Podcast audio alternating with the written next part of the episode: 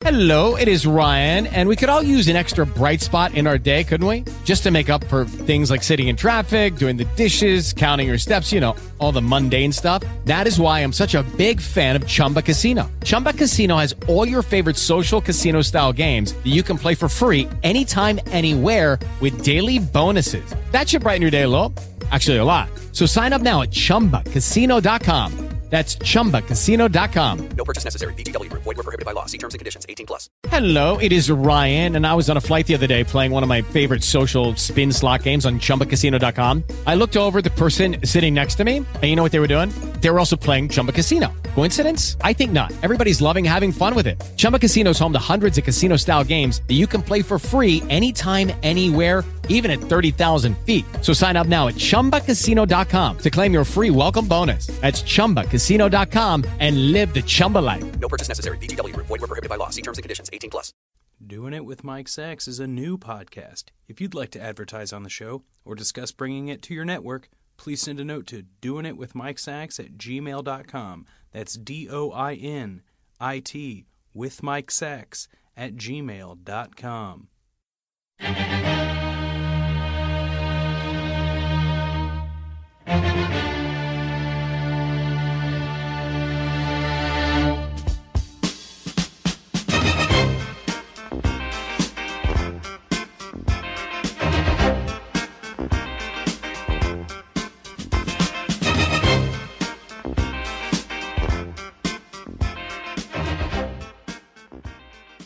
Welcome, welcome to the first episode of Doing It with Mike Sachs. That is Doing It with Mike Sachs. Now, I was not going to mention this, but I feel that it's only fair to you, the listener, to tell you how I came up with such a tremendous title for a podcast. I'm sure you're wondering.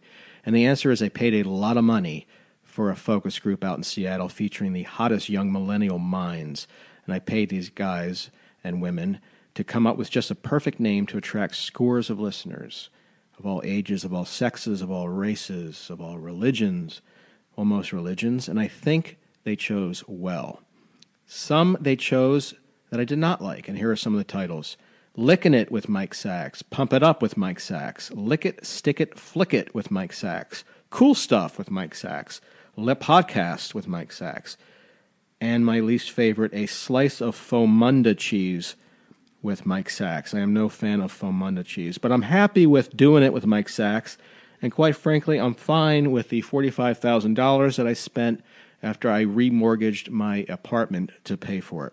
So, my name is Mike Sachs. I'm a writer for magazines, the web as well, and I will occasionally put out a book. My last book is called Poking a Dead Frog Conversations with Today's Great Comedy Writers. Why a podcast, you might be asking? In fact, you might be asking a lot of things like, why am I listening to this podcast? Well, a couple of reasons that I created this podcast. One, I'm not sure. No, I am sure. I love radio. I used to work in radio in New Orleans at WTUL 91.5 on your mega wave, and I loved it. I did that for all four years of college and a few years after college. The station was really one of the few places, quite honestly, where I felt comfortable when I was at college. I was a bit of a shut in. I had depression, OCD, and many other things, which we'll be getting to down the road, just not this episode because it's way too depressing. I was also, and still am, a huge fan of music and a big fan of comedy on the radio, going back to shows that were broadcast way before I was born, such as Jean Shepherd's shows and Bob and Ray shows and a lot of other type of shows. Now, later on in college, I worked as an intern at Voice of America, and I loved that. In more recent years, I've been on quite a few radio shows and podcasts talking about articles or promoting books, and I found that the connection between listener and host or guest is really strong, perhaps stronger than it is between writer and reader.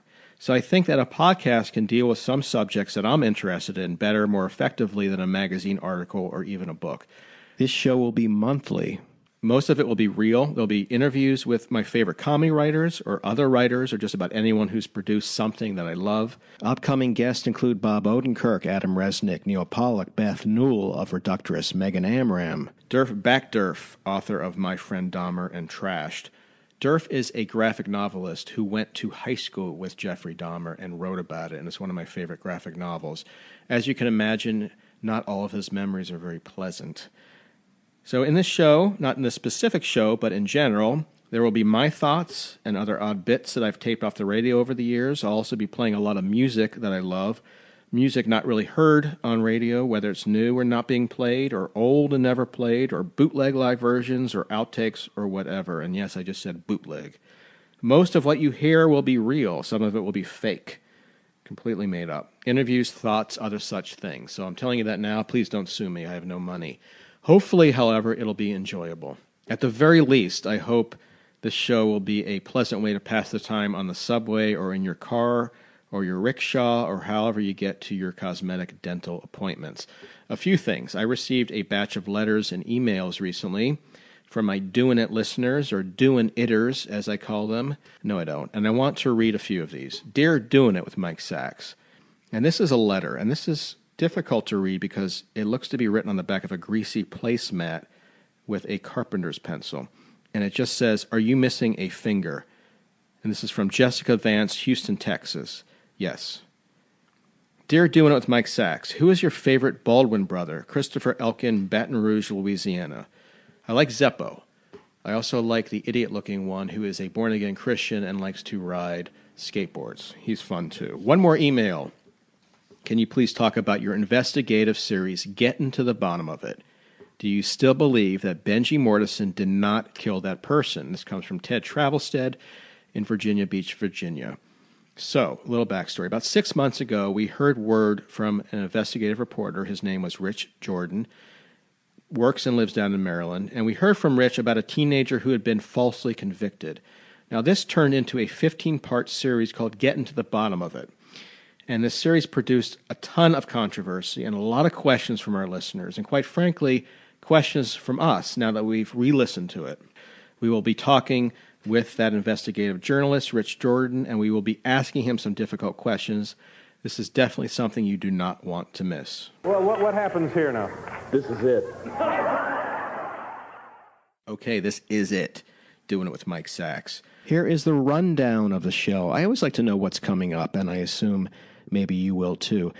First up, classic rock DJ suffering a nervous breakdown.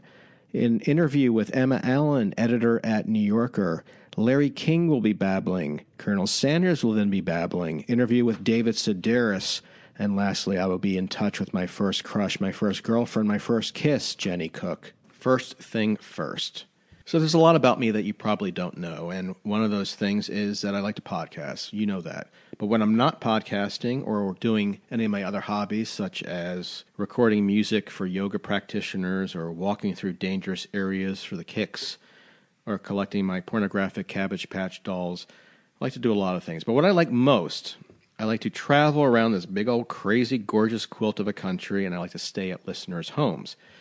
It's a ton of fun and I, it has produced some real surprises over the years. So a few weeks ago, I was headed out in my lease 2002 RAV4 Hybrid to Hagerstown, Maryland, beautiful Hagerstown, Maryland, and I was setting out to visit an avid listener of this podcast. Now, it turned out he wasn't home, so I waited. And when he finally arrived about a week later, he insisted that he was not a listener and told me to get off his property. Well, that's happened before, but regardless, I was in the car for many hours, and like I always do when I'm cruising the back roads, I love to blast some serious tasty licks, or as I call it, awesome tunage, which is usually jazz fusion or lesbian a cappella groups. Sometimes it's Norwegian death metal or bluegrass versions of Nirvana songs.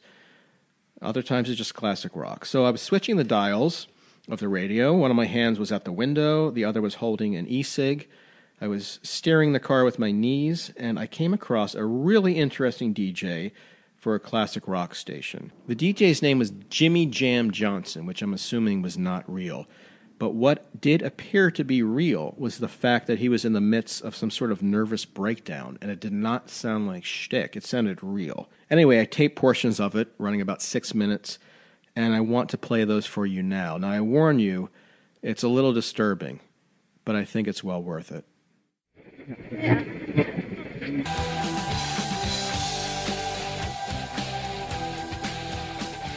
That was Boston, more than a feeling. Fun fact they say that Tom Scholz, creative force behind Boston, took anywhere from five to six months just to record one guitar lick. You want to hear another interesting fact? I hear that goddamn song one more time, might just do something I'm very much going to regret. Saw a heavenly light above the house again this morning. was in the shape of a giant heart. This is Heart Magic Man.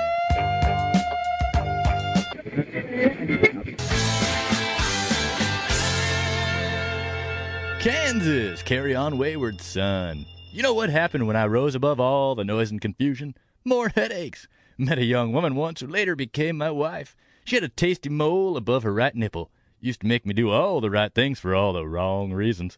Made me lettuce sandwiches with just the thinnest layer of heartbreak. You never tasted heartbreak so tangy. Didn't need mustard or ketchup, that you can believe. Lord Almighty, I do still love her. Why did she leave? Did I have to do with the lasers that shoot out of my eyes? Uh oh, my toes are hot. I just lit them on fire. Van Halen, hot for teacher.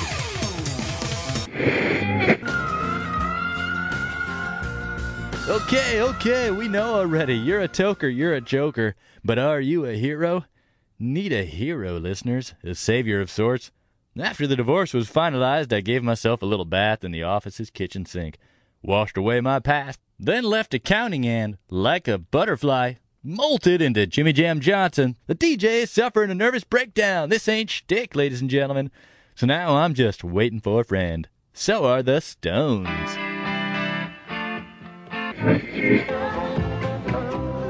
Wake up, people. 66 degrees, just the slightest chance of rain. The money sound. Be my first caller on the Z106 hotline. You'll find yourself winning a little trip to my private lair. Speaking of which, found a dead giraffe on my lawn again. I love animals. This is House of the Rising Sun.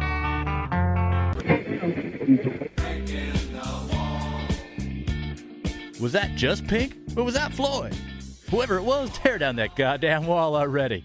Going on around town, it's ladies' night at Hammerjack's, popcorn trip night at Max's. Spoke to my ex during the last commercial break.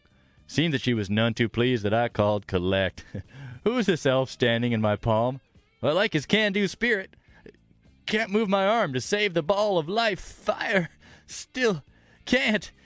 Hey, it's Buffalo Wing Night at Shooter McGee's. She just bought a house in Tallahassee. It appears the grad student is moving in, and guess what? That's the Z106 party siren. My wife just sent me an invitation. You like weddings? How about white Wedding? Billy Idol on Z Rock.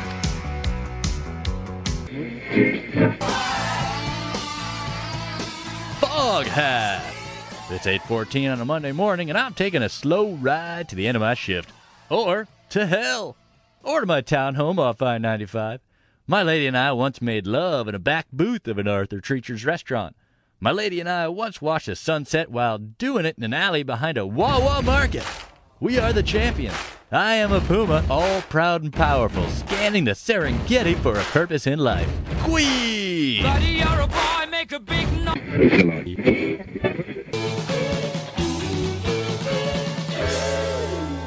Alice Cooper, no more Mr. Nice Guy. Last song of the day, folks. Y'all think I'm a nice guy? You won't after this story. Gonna show up at my ex's wedding and punch the grad student in the nose. That spray of blood will be ferocious. Yours truly, gonna be arrested. The big dog is up next to take you into the noon hour. That big dog's gonna play that rock and roll music nice and loud. So until the morn, keep it on the upside, but don't keep it down your pants because it could bite a leper. That phrase is trademarked. Just performed a somersault in my mind. You like gymnastics? I don't. Hey, what can I say? Life's been good. You think so, Joe? Gotta disagree. Take it away, bro.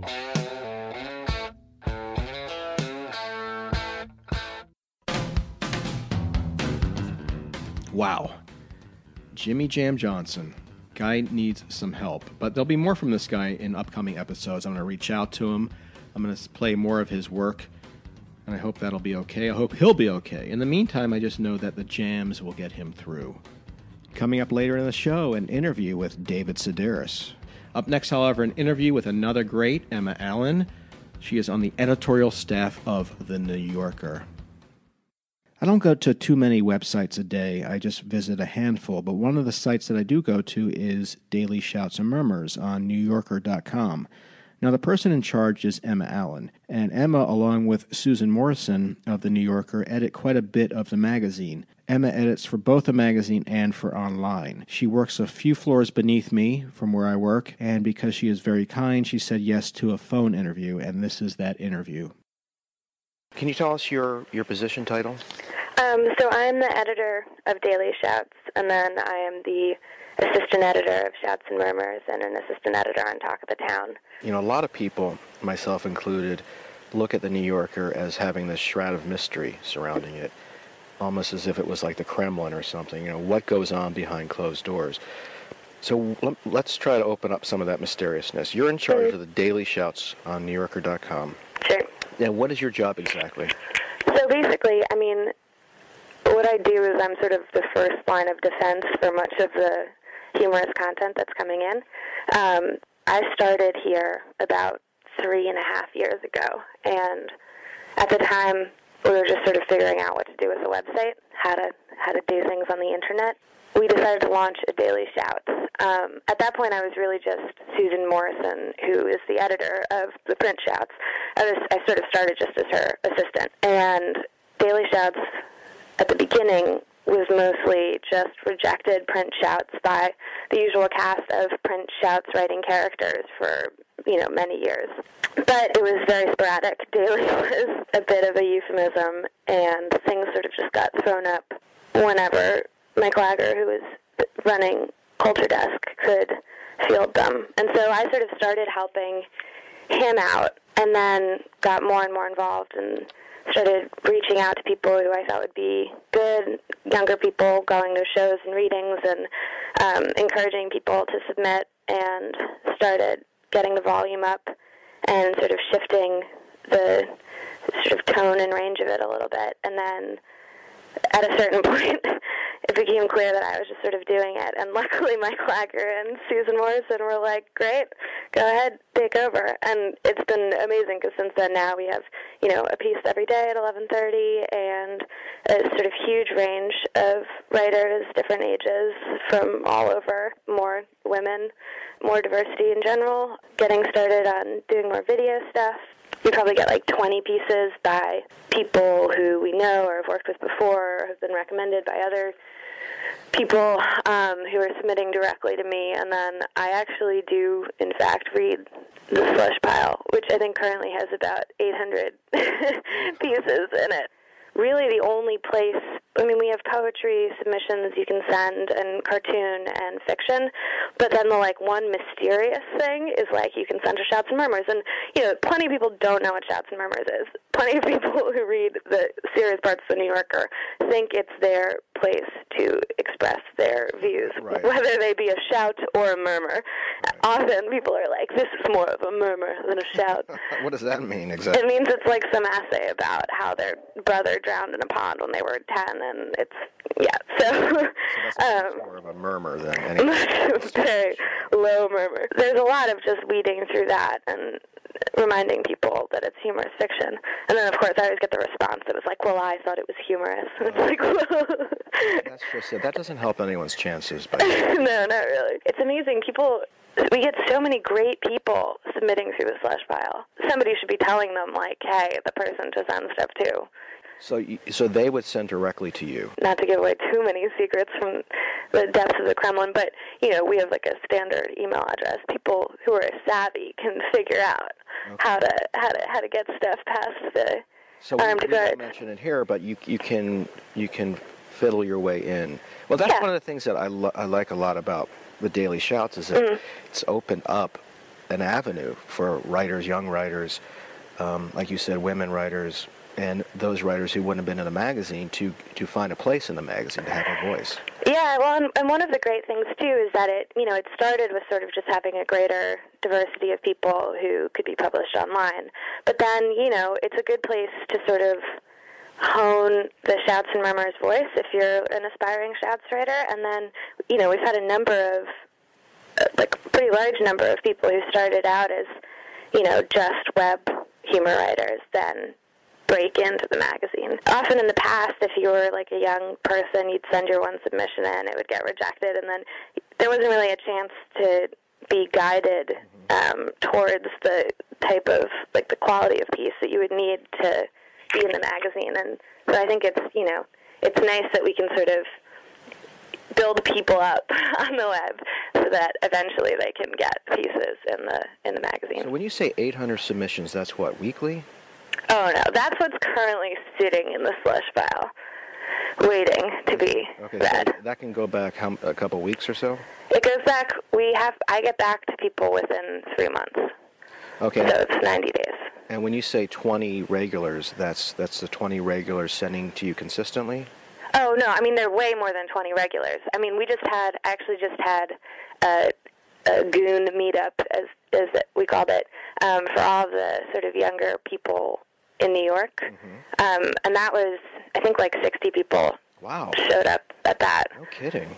So yeah, they're actually they're quite a lot. I get 20 pieces a day from that pool. So if a young writer wants to get in the magazine with a shouts, a humor piece, Mm-hmm. the best way is through you and, and the daily shouts. That's sort of the a breeding ground on how to do it properly. Yeah, I mean, and Susan, she has her own avenues of, of recruiting people. Um, Alexis Wilkinson just had her first piece, and Susan had been, you know, working with her for a number of years trying to figure out what A number she. of years. Yeah, yeah. I mean, she, you know, Susan had been corresponding and, um, you know, working on her with various pieces. So they're, you know, they're different avenues, but um, yeah, Daily Shouts is, is certainly a good one.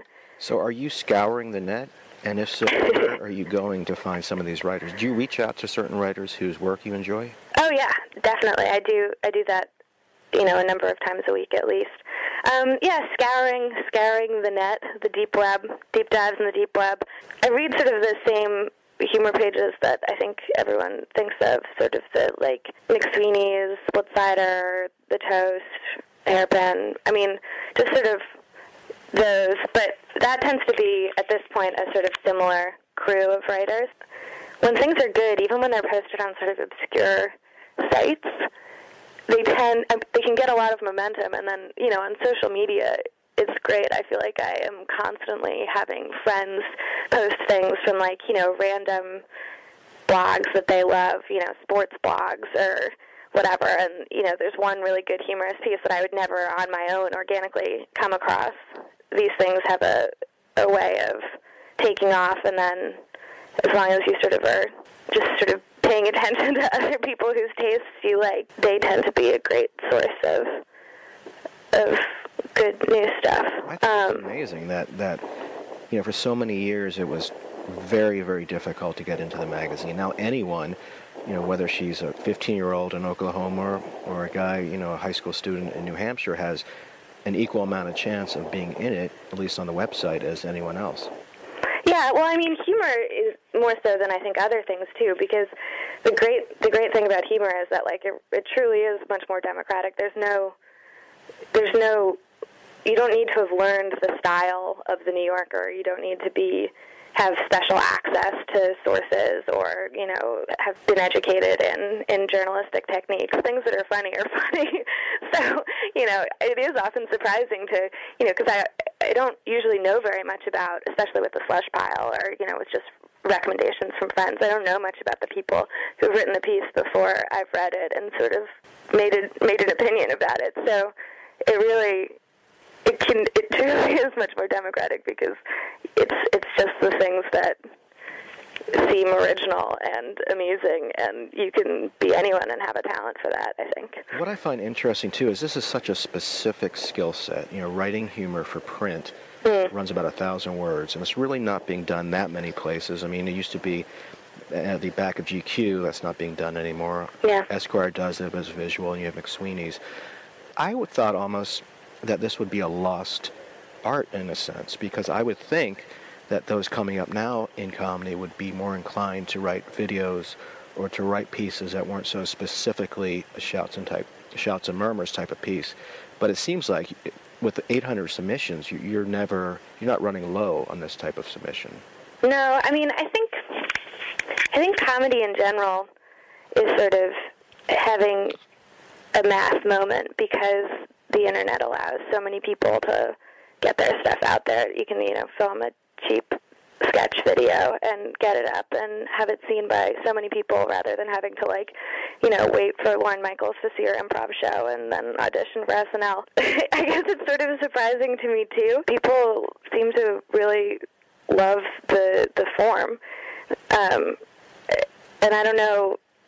I don't know sort of why that is. I guess there are a lot of I think younger writers who came up reading and sort of worshiping like Simon Rich and who else falls in that camp. Well, But so people are already influenced by Simon. I still think of Simon. as- being a babe, he is still a babe. How old is he? he's not even thirty, is he? I think he, he might be thirty. He's a he's a nice guy and a great Yeah. writer. I should get him on the show. He's Yeah, definitely. you know, you know, one of the difficult things about shouts is that you can't pitch an idea. You know, Mm. Even if you're established, right? You can't just say, "I have an idea for this." Whereas with a lot of magazines, GQ, Esquire, Vanity Fair, if you're in that world, you can say, "Listen, I have this idea for a comedy piece. Are you interested?" And either they are or they aren't. But you don't have to spend the time putting together a perfect piece ready to go Yeah. uh, for submission. Well, but perfect and ready to go is also. I mean, I edit everything that goes on the web, and like, I think part of you know what I've had to do over the past year or so since I fully took over about a year and a half is that you know it's about developing relationships with the writers where they trust that the edit that you're doing is going to improve the piece. They like trust your cuts and you know are willing to work with you and being edited is really hard. It's it's really hard to look at a changed version of the piece that you thought was perfect and not just bristle at it and try to, you know, restore everything that has been changed. But I think now like a lot of people trust that they can send me stuff being like, I don't really know how the ending is going to work or like like I'll be like, you set it up wrong. Like here, let's set it up with this quote from the news. And like, you know, now people know that they don't have to agonize for a year about sending something in. That that's like the first process, and then we can work together Okay, well, on it. that's a good So thing to know. And I think, as far as advice, when when a New York e- editor suggests making changes, if you're a run, young writer, take those changes. yeah, yeah. I mean, that's true. But even I, like you know, in in the talk pieces that I've written, it took me. Talk pieces are hard too because they end up being 800 words, and they have to be just because it's like a puzzle getting the section to fit every week. And you know, every time the first 10 pieces that I wrote and filed at a thousand words, and Susan expertly cut down to 800 words. It's still you have that moment where you like go into the bathroom and hyperventilate because your favorite joke was cut, and like you know that it's not worth fighting because she knows best. And it's you know it's you get better at sort of slowing your metabolism in those moments and just Right. like and she's there for. I mean, let's talk about Susan Morrison. She's Yeah. sort of legendary in the editorial world. She worked uh, at Spy Magazine, Mm-hmm. and now she's been at New Yorker uh, in charge of shouts for what. 1997 she So out. she knows what she's doing. I mean, it, Oh yeah, like and she overhauled she overhauled the whole section before before Susan. Print humor at the magazine was very like dry and snooty and insidery. I mean, there of course the like early greats and the New Yorker was established as a humor magazine. She brought on the sort of like SNL world, the Simpsons writing world, the like Lampoon world. I mean, and this was like the world of comedy. You know, the, there wasn't the this is where you were if you worked in comedy, obviously. And she just was so plugged into all of them and changed the the tone of, of humor at the magazine entirely. Um, Right, Yeah. and to to edit humor is not easy, and what you do and what she does, extremely difficult, extremely specific. And I think what a lot of young writers should know is that no joke is uh, irreplaceable. That if you if the, if you, guys if you, the editors at New Yorker want to cut it, you accept that, and there's a very very good chance that they're right and you're wrong. And even if they're not, even if you think they're not correct, this is just the process of what you do. You just make it easy for you uh, as a writer to to deal with and to work Yeah. with. Susan's job, your job, is very difficult. You're very busy. So if you have someone who's going to be arguing everything, it just makes sense that that editor isn't going to want to work with you on a consistent, regular basis. That's true. That's certainly true. When when you send an edit and what the writer sends back is just a list of setting everything that you've changed, then it's like, oh, I'm not going to bother to spend time so carefully going through your work because you clearly don't think anything I've done is is worthwhile. So. So you mentioned earlier 800 are now submissions are now in your slush pile. oh yeah. So how many of those will do you think will be accepted of those Well, 800? I would say I think last week um, I bought two pieces from the slush pile, so that's a pretty good. And I probably read I don't know a hundred pieces in the week. So a, are there that's a good number. mistakes across the board that will instantly get your piece thrown into the reject pile? well, one, my biggest pet peeve, maybe, and this is specifically a problem with the slush pile, is when people address their submissions to dear sirs. Which is like, I mean, first of all, there's all women running this. Uh, yeah, that, that's that's a that's a that'll get me in a bad mood right off the bat. Um, people misspell murmur constantly. Yeah, which uh, is also sort of a little alarming. Um, then there, I mean, there the things that will obviously get you rejected instantly are sort of more of the like if you've written a piece that's like racist or anti-Semitic or Oh, so the you know, racist piece aren't being accepted anymore. that's we try to stick by that rule. Um, and you know, people also just don't get that there really isn't any first person. You can have a highly fictionalized like version of yourself as the sort of narrator. And you know people like like Alex Watt will do that all the time. He sort of created this um ridiculously overwrought version of himself that is sort of runs through all the stories. This like fuck up guy who is is always just sort of the butt of his own jokes. Um but you know otherwise you can't even, however funny it is this like David Sedaris is not writing shouts and murmurs; those are personal histories, and people just often don't get that. They'll write very funny stuff, but it's if it is nonfiction, if it is first person, then it's not a shouts. Um, and then there are just other tropes that we see over and over again, and it doesn't mean that they can't be done, but they have to be done so well in order to even really be considered things include um, it's hard to do God at this point. you have to do you have to do a really good Hard to capture that voice. God shouts. Yeah. Um, What are some other tropes?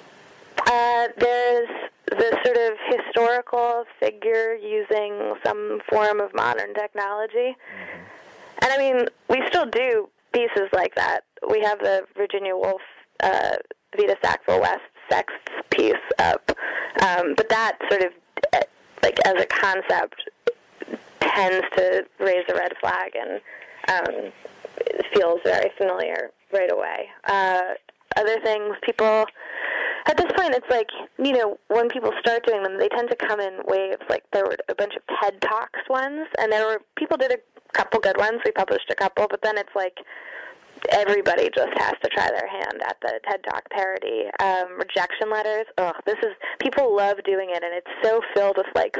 You, so often these rejection letter parodies are like so filled with anxiety and self-loathing, and they're just they're sort of torturous to read. Um, and the then, of course, to reject.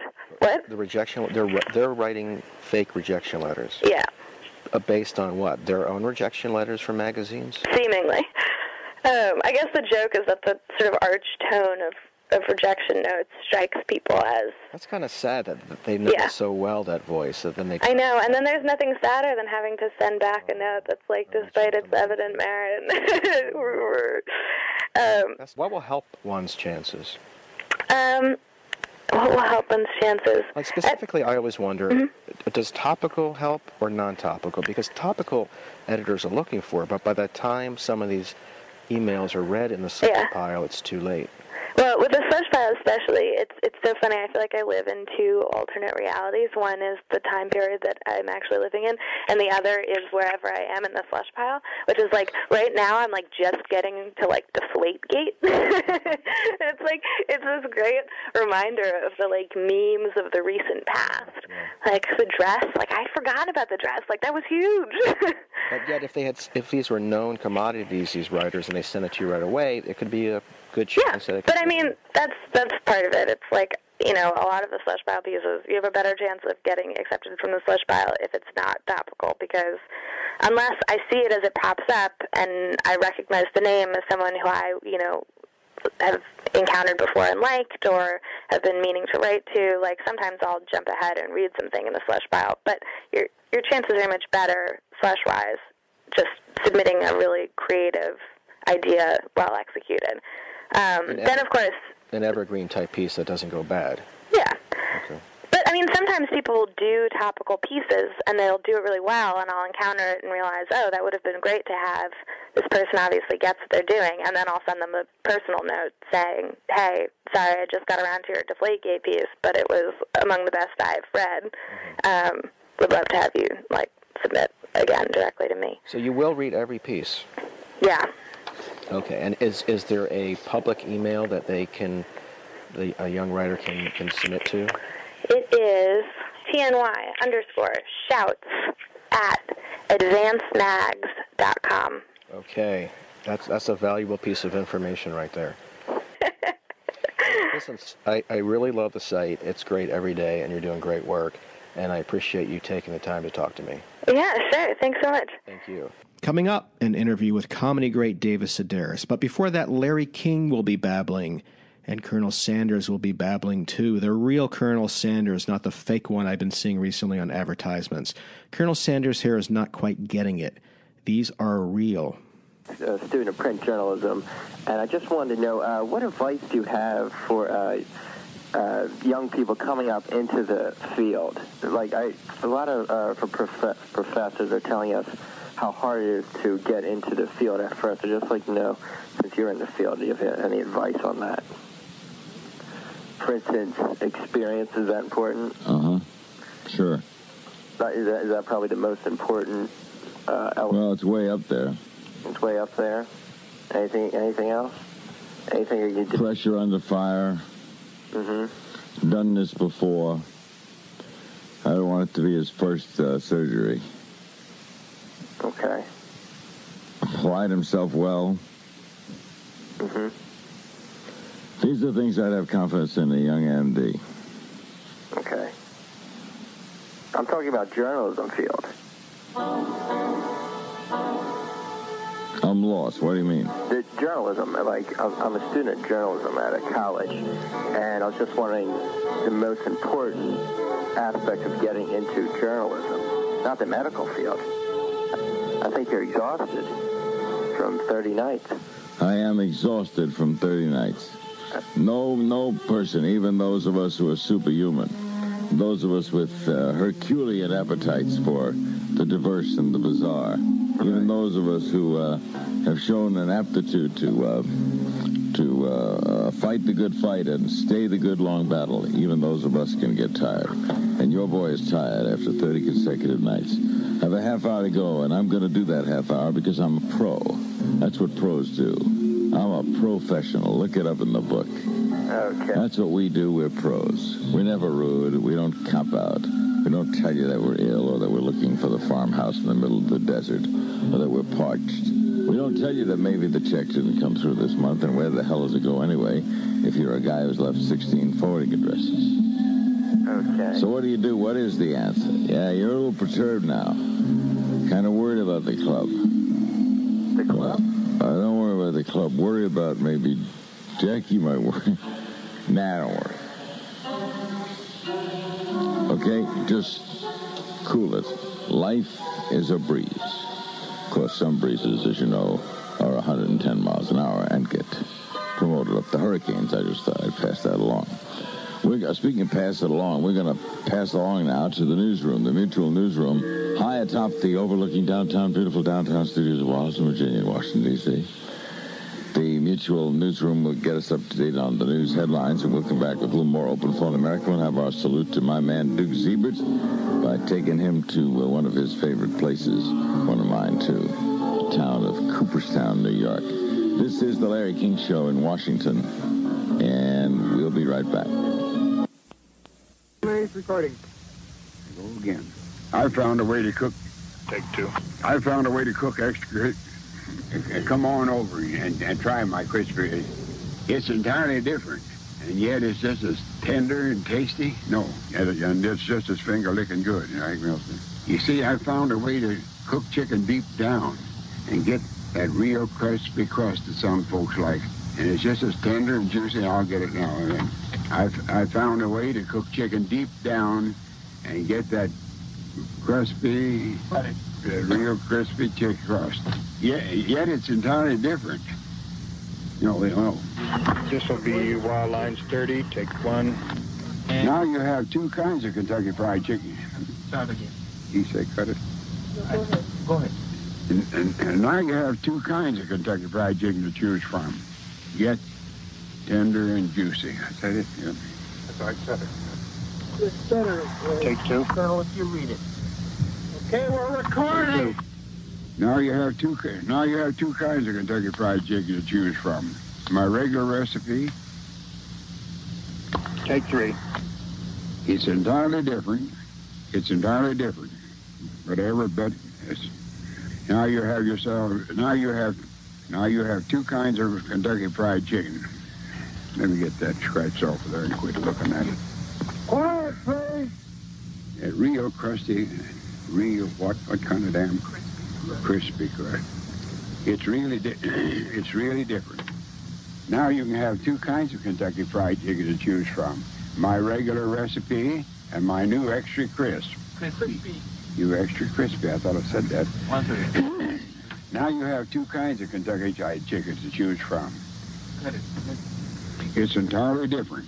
Yet every bit as finger licking good, you see. Oh, every bit of his finger licking good. You see, I found a way to cook chicken deep down to get that real crispy crust some folks like. I better do that again, huh? Yes. All right. Cut. You don't want me to sing, do you, for Christ's sake? We're rolling. This is the good one. Take five. Uh, most most folks most most folks uh, most mo, most fo- most All right, folks once again. uh, most most folks have heard about. All right, that's good. Good, very nice. That's why folks call it finger. That's why folks call it finger. Sounds good. That's why folks call it call it finger licking good. That's oh wait. That's that's why that's why folks call it that's why folks call it finger licking good. That's it. That's why that's why folks call it finger licking good. Right, I'm not getting anywhere with this damn thing. Okay, fine. Oh dear, oh dear. Rough, rough day for the Colonel. Coming up next is an interview with David Sedaris. Now, what do you say about David Sedaris? Well, in my case, I can tell you that his writing has meant a tremendous amount to me over the years. I think he's one of the best writers out there, not just of comedy or humor, but of anything. He can leap from emotion to emotion better than nearly all other writers. It's a very rare talent. His voice is completely unique is perhaps the most copied and influential voice for the page, certainly when it comes to humor in the past 25 years at least. If you see any book pitch out there for comedy, it usually begins I describe my style as part David Sedaris and part whatever. His name is always coming up, and for good reason. Now, beyond his skills as a writer, he's an incredibly decent guy. I don't know many writers at David's level who is as good to his fans as he is. He will literally sign books for up to 10 hours and more. I think the record actually is 11 hours. Until every person literally wants a copy, a signed copy of his book, he will sit there and make personalized notes and autograph each of those books. I love the fact, too, that he emerged from out of Raleigh, North Carolina, a state that I used to spend a lot of time. I used to spend summers down in North Carolina. He was a kid who felt ostracized, and he made his way into the world doing the type of writing he wanted to do. This was never for money. This was for the love of writing. It was always in the style that he wanted. It's been much copied since, but this was a, this is a style that's very unique to him. I talked with David in his hotel room in Manhattan last week, and here is the interview. How nice it, it is of you to do this for me. I really, really appreciate it. Obviously, you have bigger things to be doing. I can't think of a bigger thing to do, but we've, we've never met. We've just talked on the phone and I know. corresponded. So uh, I welcome the chance to, to meet you. Let me ask you this, and it, it's I bring this up for personal reasons. You mentioned in an interview that you don't drink anymore when you write. Why did you feel you needed to drink when you wrote, and how long ago was this? Oh gosh, I started drinking and writing at just about the same time. I started writing, and then maybe about six months later, I started drinking. And I would write in the evening, so I never wrote anything without drinking. I just it was out of the question that I would. And it just what that meant ultimately was that I had to. I was like on a timer, you know, so I had to like put away a certain amount of booze, and then at the end of it, I was just so drunk that I couldn't even I couldn't even see straight. And so I so I quit drinking. And it was hard at first. I couldn't sit down at that same time. I thought, okay, I'll have to change the time that I write. So I started writing in the morning. And now I write in the morning, and then I go back to work at night. And now I don't think about it. I don't ever, you know, whether people drink, and you know, I'm happy for them. I don't ever, I don't miss it. It never occurs to me. I think I don't know if if I'm a better writer now just because I'm older, or if it's because I'm sober. When did you quit? I quit in 1999. Do you have anything to drink now? Nope. Nothing. Going on tour was hard because you got to get your booze together. You know, you'd be on a book tour, or on a lecture tour, and I never wanted to eat dinner. You know, I wanted to drink before I ate dinner. You don't want to eat food and then drink because you're kind of wasting it. So it was just really complicated to be on tour and get all that stuff done. So I might not get back to the hotel room until midnight after the book signing. And then I would start drinking.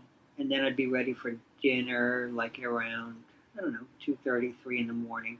And then after dinner, it's time to get high.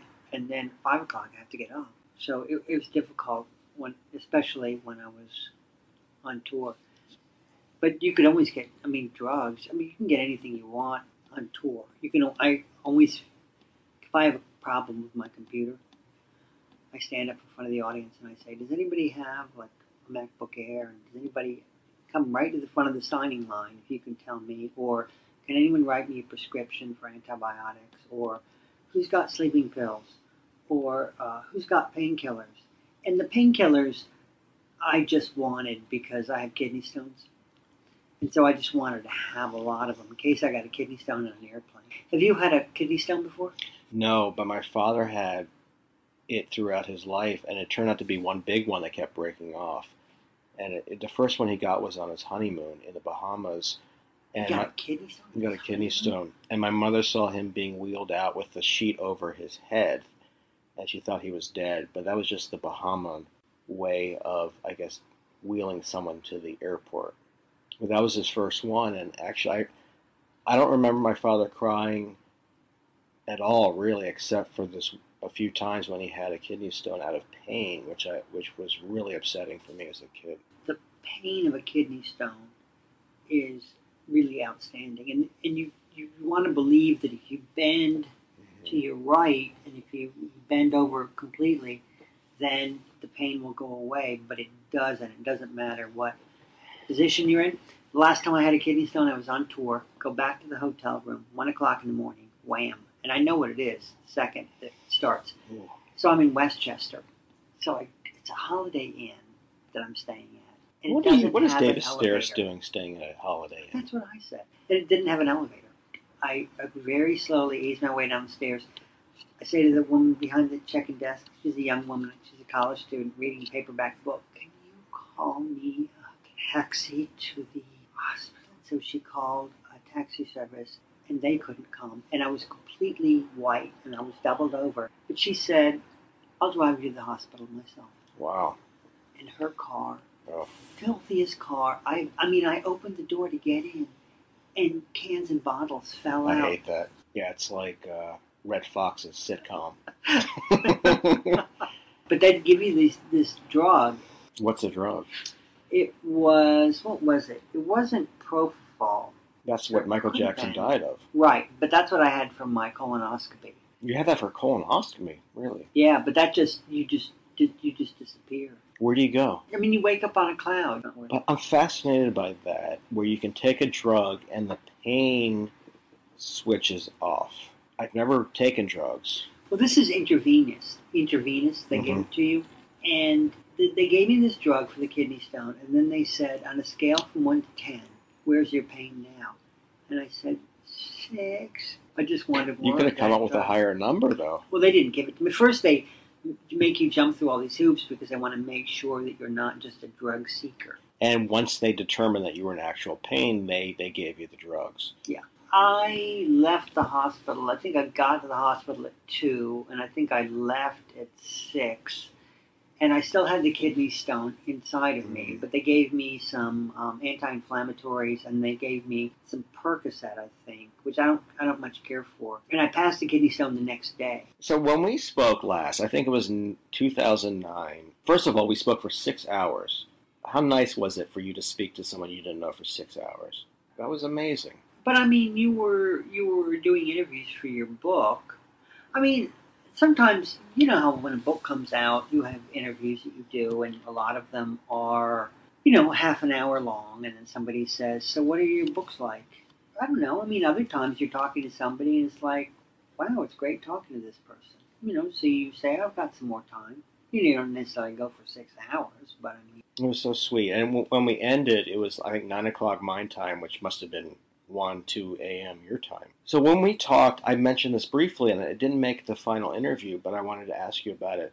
You wrote a script for Seinfeld. Oh no, no, I didn't write the script. It was was it Larry Charles? I think called me. This was like years ago when I just started on the radio, and asked if I would be interested in writing, if I'd ever thought about writing for television, or whatever, what, what I thought of Seinfeld. I'd never seen the show, and so I watched the show, and then I got back to him. I said, "Well, I got one idea.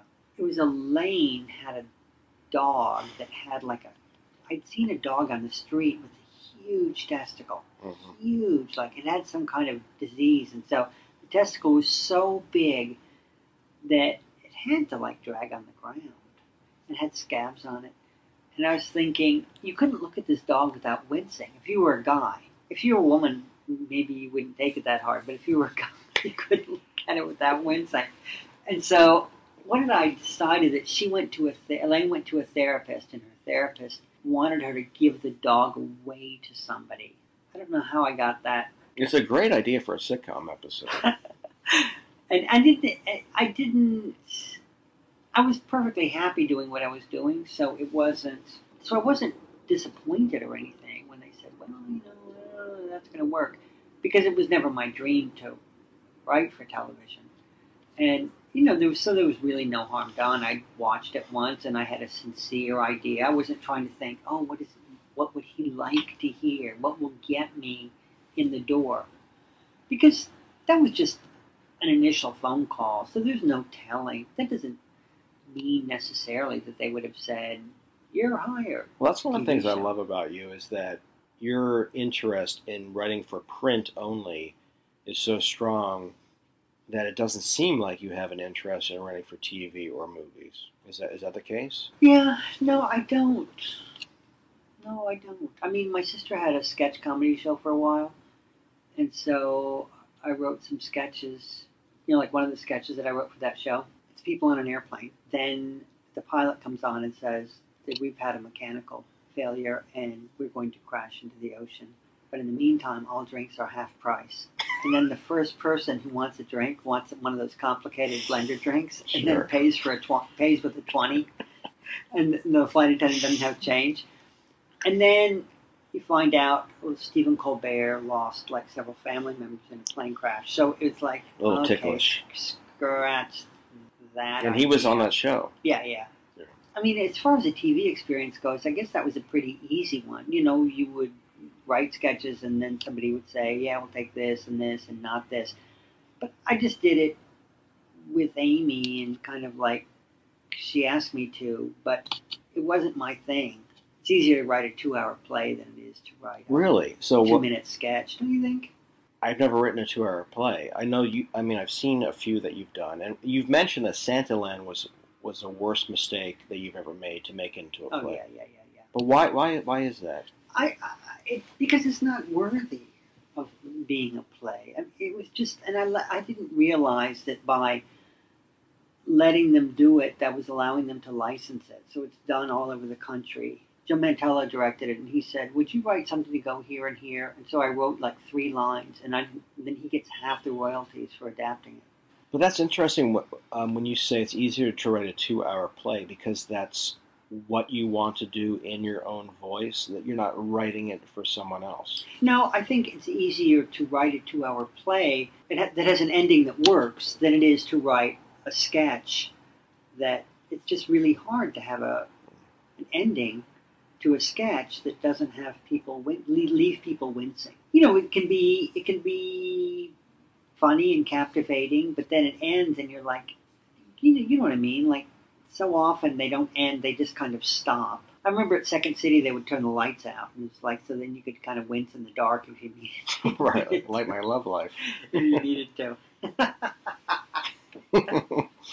you know, it's just hard to write like a brief little sketch that But it's funny how many people who are, especially young writers, want to do that. They want to write sketches. And to me, I agree with you. It's very limiting because there's only so many ways you can end it. I remember there were so many sketches that I would work on. You know, they seem to be going great, and it's like, okay, time to wind this up. And you just, it didn't, it wasn't like writing an essay where the essay tells you when it's ready to, to, to end. And with a sketch like that, often you don't have time to develop the characters, or you don't have time to make the audience feel for them in the way that you would like for them to, because before you know it, it's time to end it. So I don't know. It just wasn't my thing. But you know, the people were all lovely. You know, like everybody on the show was lovely, and all the people who worked on it. So it, it was a, it was as good an experience as I was going to have. The reason I love writing for print is is total control. But there is a limit to how much you get paid for print. You mm. have total control, but you don't get the money you might potentially get in Hollywood. It never occurred to me when I started writing that I would ever make a living off of it. It was never, it was never part of it for me.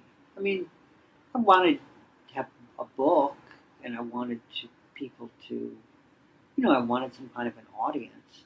But if I had to have a job all during the day and then come home at night and do that, that was fine with me. I never, I never, I never confused those two things. Making money at it with success. I mean, I remember when my first book, well, for two books, Barrel Fever and Naked, it was fifty thousand dollars, and I had never thought that I would have that much money in my life. And you've talked about the fact that you prefer being busy all day, that you want to be tired when you write. Well, like when I come home at night, I think it must be hard to have a job where you sit at a desk all day and then you come home and you sit at your own desk and you think, okay, now it's time to do my own work. I think it's easier if you're on foot. I mean, you're only good for so many hours. So I get up and then, I don't know, maybe I work for like three hours. And then I go, I go pick up garbage on the side of the road for anywhere from like four to ten hours, depending on the Ten season. hours? No, it? depends. Like in the summertime, you can get ten hours in. You know, obviously this time of year, it's hard to because it, when I go home to England, it'll be dark by four thirty. But I walked 19 and a half miles yesterday. That's crazy. I mean, that's dangerous. Not really. I mean, if you walk facing traffic, and there was, I wasn't like in England. If you're walking off road, it just there's briars everywhere, and often it's tall grass, and it's not. But this was like short grass, and there was plenty of verge. No, it wasn't dangerous. Is that the obsessive part of your life where you feel you need to pick up garbage? Yeah, it's cleaning, and then also like I had a friend who went to Dubai. We met in Dubai a couple of years ago because I had to go to Australia for something, and then it, they had a Qantas had a thing that you could stop in Dubai and it wouldn't cost you any extra. So I said to Dawn, "Let's meet in Dubai," and she had a Fitbit, and I'd never seen one before. And she explained to me what it was, and so I got one. I can't tell you how many, how many times I sign books for people, and they say, "Oh, you have a Fitbit? I have one too." And I'm completely obsessed with it. And I say, "Oh, really? Where is it?" "Oh, it's at home." And I'm thinking, "Then you're not obsessed with." it. I've never left mine at home. When my family goes to the beach for Thanksgiving, we have spa night. Amy and my niece give us give everyone facials, and then my sister-in-law gives you a, a complete foot rub, and so you soak your feet in, in this bubbling tub, and then she takes her, your feet in her hands and she massages them with oils and Oh, stuff. nice. And it just feels weird because it's your sister-in-law. But uh, one of my toenails just fell Just fell straight off. fell straight You're like Jesus in the desert, like just wandering. fourth toenail that I've lost And that's that's from funny. walking too much. because I am obsessive and I like to walk. It soothes my mind. Is that what happens with you? I mean, Well, I don't like being alone with my thoughts. You know, it's not good for me to be alone with my thoughts for over a certain amount of time. So I listen to books on tape and I listen to podcasts and what is it that you're afraid of with your thoughts? I cannot like my boyfriend was saying something to this uh, the other day. Oh, he was like, well, "Why do you let that go?" It's like I, I, would if I could. I'm still nursing grudges from what somebody said to me in the fifth grade. I mean, I'm still Really? working on that. Like I can't. When I have any kind of a disagreement with somebody, I think, well, there goes two weeks sleep right there, and then untold hours embroidering it, you know, walking along, thinking about it. My my brother-in-law scolded me at the beach last week. My father doesn't like to curse in front of people, so he'll say "GD it." That's goddamn it, right? And so my brother-in-law GD'd me, but he's the kind of guy who I don't know. Fifteen minutes later, he was just completely normal. So it was kind of great. So I don't embroider that, and I just kind of let that go. Well, it's I've known him forever, so that's like a family type situation, which is diff- a little bit different, and depending on the family member. But he let you go. Did you let him go? I mean, will you be thinking about the G ding for a while? That I was able to let go, but there are other, you know, uh, things. I don't know if somebody does you wrong, or I was at the airport uh, not long ago, and I go to my gate, and then I realize, oh no, it's one of those distant gates. Mm-hmm. So I have to take a bus, and it's time to board. And I think I'm in San Francisco. So I go downstairs, and the bus is full. But then they say, is anybody going to Reno? And I'm going to Reno. And so they let me on the bus because I'm going to Reno. So I get on the bus, and there are a lot of people on it. And I stand kind of near the front of the bus because I think, well, that's the only door. And so when we get there, I can get off fast. And this guy taps me on the shoulder and says, hey, move back. And he's just a guy. He doesn't work for the airline. And I do. I go back because I think, well, I'm being an asshole by being at the front of the bus. And that would bother me if I saw somebody doing it. So it's only fair, right? He caught me being an asshole. And the least I can do is move back. But I wanted to say to him, you're not the boss of me. No one's the boss of you. And I just thought about it for days. Well, I wanted to say to him, how do you do that? How do you do that? Where do you get the balls to come off talking to people like that? Because I want to go up to people all the time and say, hey, get your feet off that. Get your feet off my lap. Off, Stop touching my dick with your feet. and your chin. and your chin, right. Take off that lobster bib and stop touching my dick with your chin. But you know what? I- I'm the same way. Like there are things that happen in junior, mostly it's junior high school, that I think about, and there are conversations that took place where I now answer them as an adult. Bothers me to this day, and it's usually about women or girls at that age who I was too shy to say anything to, and they talked to me, and I clammed up. Huh. And I'm constantly replaying that in my mind, in, in high school too. What would I say to them now with my knowledge if I were to go back and I would be 14 years old again? But I think about that, and it, I wonder why. I mean, am I hardwired to think about stuff that happened at that age more so than something that happened a year ago? A lot of times, I, I, when I'm signing books, I'll meet kids who are like in the seventh grade. And I always wonder, I always assume it's as awful for them as it was for me. The, the worst that life has for you, you're going to have to deal with it when you're 13 or 14 years old. Like when you really don't have any skills at all for handling that kind of thing. I think about that a lot. Just that that was the worst that it was. Do you think your life would have been different if you had grown up with the internet?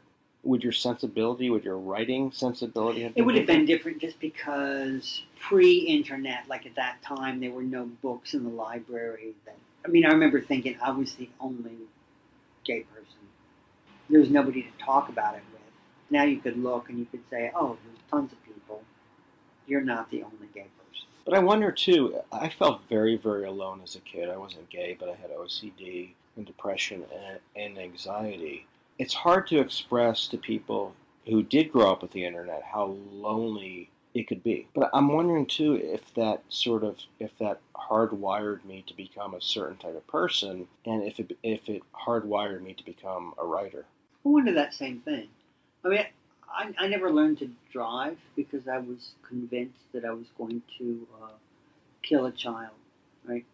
So I took driver's ed, and then I just remember going out. I had my permit for a while. Driving a car was just the absolute worst. Every second of it. So I didn't get my license. And in North Carolina, you kind of needed a license, and if you didn't, you just had to stay home. So I stayed home, and I learned to entertain myself. So I often think if I had an if I wasn't afraid to drive, what I would have just been out there, and I just would have been sitting at home, and I would have thought, oh, this is boring, and I would have gotten in the car and I would have driven to Chapel Hill, and I don't know. But instead, I was like, okay, yeah, this is boring, but I'm stuck here, so I guess I'll trace those drawings. I find so amazing now. If you're starting off now, you can be published on the NewYorker.com if you're 14 years old and living in, in Oklahoma. I mean, no matter who you are, no matter where you are, you can. There's an in now, and I didn't feel that there was an Hmm. in when I was first starting. When I moved to New York, I took a class at the Y called Writing Funny. Who taught taught by it? a woman named Frida Garmes, who was a Saturday columnist. Well, I guess you call it columnist for All Things Considered, a British woman, and I always thought she was funny. And I, so I signed up for the class, and it was interesting to me that none of my, my other classmates didn't seem to know who she was, and to me she was huge. Um, and I remember the first day she said, "What are the rules for writing humor?" And I said, uh, I raised my hand and I said, You should never make fun of someone who has less power than you. And she said, Where on earth did you get that idea? She said, It's ridiculous. She said, The only rule is to take all taste and decency and throw it out the window. And so I've always remembered that because people always want to come up with new rules, right? Like, come up, and, and it's like, I'm sorry, you just came up with that. Well, it's not a rule. You came up with it and you decided that people shouldn't do that. Have you, have you noticed that lately? Yes, like I've been noticing with when writers are interviewed, so many of the questions are. Oh, I heard uh, it was a novelist who had based a character on a dead relative, and so the questions were: Was that ethically pure? Did you have the right to base a character on? They would never have asked that question like five, ten, twenty years No. ago. Did you see that interview with uh, CNN? Was interviewing Joan Rivers because Joan Rivers had a new book out. It was just before she died, and and the woman was asking Joan Rivers questions as if oh she started off by saying oh aren't you mean and why did you wear a fur coat on the cover of your book? Incredible. And Joan Rivers just ripped the microphone off and said, "You know what? I'm I'm not doing this. You should not be interviewing somebody who writes humor. You should shouldn't be doing it. I'm not doing this anymore." And then the woman had this look on her face, like, "Really? You know that look, that smile people get when smile? It's like they want it to mean, oh, it's just kind of joking, but what it means is." This is the kind of asshole I am. Right. Which which she was wearing that expression the entire. But she doesn't know she's an asshole. I, I've completely, I've, I've noticed that a lot, and about assholes. But there's a lot of questions about: is, is it okay for you to have done that? Is it okay for you have to have made fun of, of, of such and such? And I find it very strange when you look at the pieces that Doug Kenney wrote, Michael O'Donoghue wrote. They were obviously the lodestar was towards goodness, but those couldn't have been published now you know, to make fun, you know, the Vietnamese baby book that made fun of the craziness, the madness of, of the Vietnam War that Michael O'Donoghue wrote in the 70s, he would now be accused of exactly what he was trying to satirize. Mhm. Who are you to make fun of, of a Vietnamese baby with no legs? The whole point is that the war was crazy.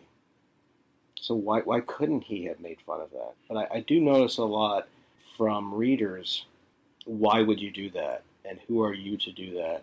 And don't you know that you can't do that? That's the, when, when they say, "Don't you know that you can't do that?" I want to say, like, I'm sorry, there's not a rule book.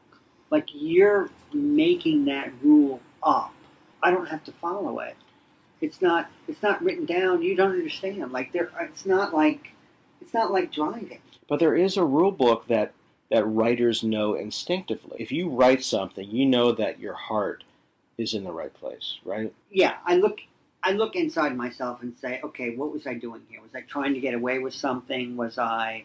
Uh, I wrote a thing years ago. I, I I'd been looking to buy an apartment in Paris. And, you know, we were looking at real estate. Then you start looking at everything as if it's real estate. You know, would I would it be legal to put windows on the side of the building? In the midst of that, I went to the Anne Frank House, which is a triplex apartment in the middle of Amsterdam. It's a fantastic location. It's beautiful, adorable apartment. Cozy, and I'm just thinking, cozy. I'll take it. And it was I wrote about it. It was in the New Yorker. And then I recorded it uh, for the BBC, a, a, a radio show on the BBC called Meet David Sedaris. Mispronounced my name on my own radio show. I recorded it live, and then these two young people came up and said, "We're offended. Who do we talk to?" I said, "We can talk to anybody here, but I guarantee you, nobody, nobody gives a fuck." But I, when I looked at myself, it's like, no, I wasn't making fun of the Holocaust. No, I wasn't making fun of. I was talking about what it was about looking at real estate and then looking at everything as real estate. And it's so ridiculous then to look at the Anne Frank house as real estate. But uh, yeah, I think sometimes people can't get past. I don't know. I guess the game pieces. But that, that's the thing. It, it, uh, there's a sensibility now where if someone is offended, they have to tell you about it, and not only do they have to tell you about it, but you have to be you have to take that very seriously. right. You have to give them your attention, and that's new. That you have to give them your So where does that come from? I don't get it. Where if someone is offended by something you wrote, and this has happened to me, you have to call them back. You have to respect the fact they don't like it to such a degree as you have to take time out of your day. I, I never would have thought that as a kid. If I was offended, by, and I was offended by plenty of things, you know, the stupidity of, of certain comic strips or sitcoms. If I, I never would have written to anyone, I never would never would have expected anyone to, to get back to me. But now there's such an expectation for, for such respect. like I did a show in Canada and I wrote this thing because I went to China and I never liked Chinese food and then I went to China and I really didn't like Chinese food. So I read about it in Canada. This woman said I was being racist. So the producer of the show had to respond to her. By law, had to respond. I didn't have anything to do with it. He responded to her. But I think that's part of it. Is it right that people they want to sit down? You need to hear about their pain. and You need to hear about how they're offended. No, I don't think so. I mean, they can write a letter and then you either read it or you don't. I mean, sometimes in that Chinese Chinese, Chinese food story, um, I went to a, a restaurant where they there's a cauldron in the middle of the table, a bubbling cauldron, and then you order ingredients to put into the cauldron, right? So this woman, this British woman, was there, she's like, I don't know, in her late fifties, college professor. And she said, when I got there, she said, I took the liberty of ordering us some duck tongues. And you can look here and see what else you want. And so I mean, she was testing me, right? And in the essay I wrote that I looked at her and I thought, you whore, right? And and I don't usually don't examine stuff like this too hard, but I think the reason it got a nice laugh is because she wasn't a whore. You know, she's you you know that she's like a college professor who's in her sixties, and so it was just the word was surprising because it doesn't fit, right? So I read that, and this young woman came up and said, "You know, when you call a woman a whore, you're calling all women whores." I, I was shaking when she left the table. I was so Well, you think she was making fun of you? You think she was taking advantage? She was trying to, to put you down? The woman. No, no, she was she was like a college. She that's what she'd been taught in college. That if you're calling one woman a whore, you're calling all women. Oh, I see. I Like- thought you meant okay. But anyway, she wrote me a letter a couple months later and said, said, actually, I'm sorry about that. And I wrote her back and I said, God, I've been thinking about you so, I think about you so often. But then I wrote this it's a monologue. It's a woman talking to her daughter through a closed door. So it's a one-way conversation. But it's the mother saying, "Are you in there? I know you're in there. I know you're upset about the shoot." What it was like, the woman had gotten her maid Sasha Tiba to perform a clitoridectomy on her daughter, on her teenage daughter, because she wanted to steal her daughter's boyfriend. and I would read it every night, and I would think, I'm, I'm not sure about this. Like I would think, I I knew, I just wasn't sure about. I mean, it wasn't like the, sometimes you read something and you feel, okay, I feel really secure in my motives for this. I feel because I part of me felt like I was kind of getting away with something. I, I think the problem was it just wasn't funny enough. But this woman came up and she said, um, and she said, you know, I was at your show and then I left, and then I came back and I stood in line to tell you how much I don't like that. And and and I listened to her, and she was right. You know, she was like, "Wow, you really put your finger on." I was unable to put my finger on what was wrong with it, but she really put her finger on it, and I really was grateful afterwards. I was grateful that she returned and that she stood in line, and I was grateful that I had my open sign out. You know, I wasn't going to be closed off. I, I don't want to be that person. I don't want to just be closed, and if you have a problem with something, then fuck you. I don't want to hear it. And I think there was a difference too in how she approached me. I, you know, I don't get offended. I don't get offended. Like if you were to do a stand-up act and your whole act was making fun of gay people and calling them fags and stuff, I don't know that offended is the word that I would use.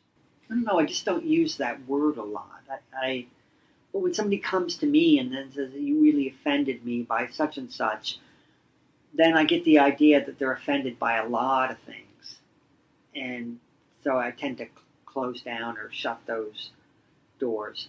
What, what was your satirical purpose for the for that piece? Uh, to me, it almost sounds like a slash and burn piece that Michael O'Donoghue would have written in the early '70s, which certainly you you couldn't get away with now. But you were you were attempting to make a point about what?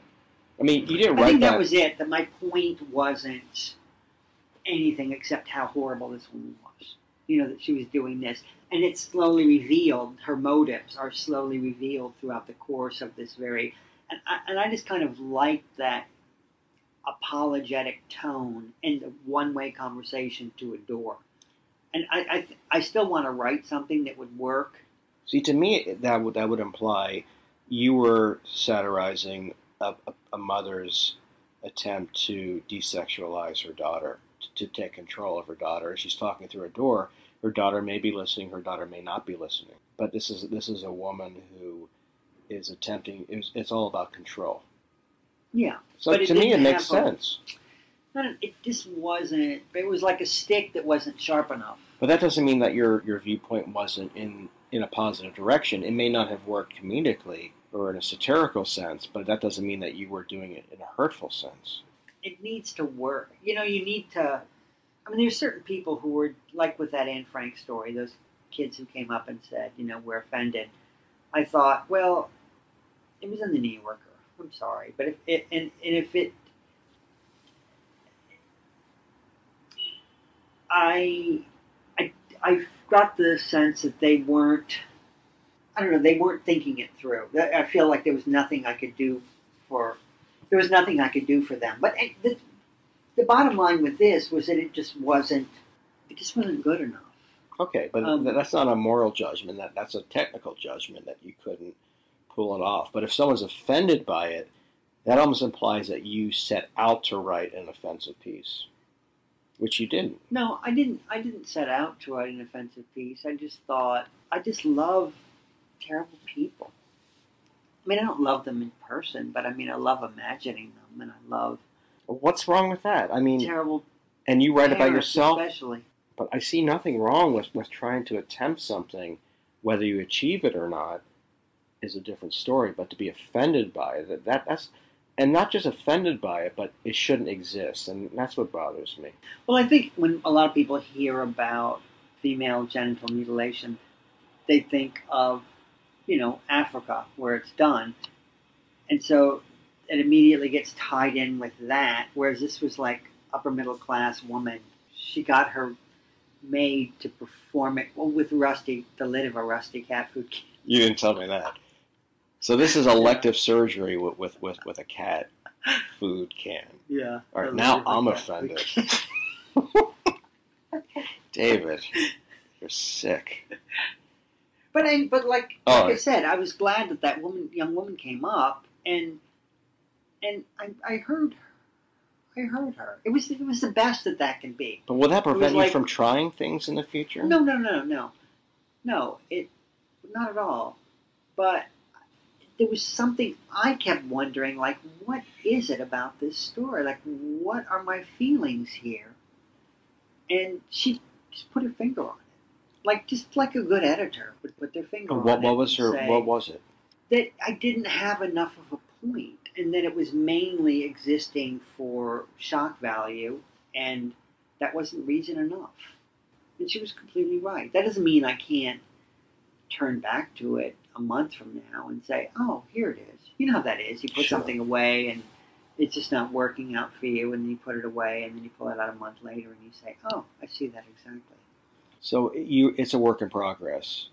But I, but at the same time, I don't want to. Like if I do a reading and I sit down, I sign books for five hours. I guarantee you, no one no one ever says. They might say, "Oh, I liked the reading," but they would never say, "Oh, I liked that line in that story," or "I liked that second story," or "I liked."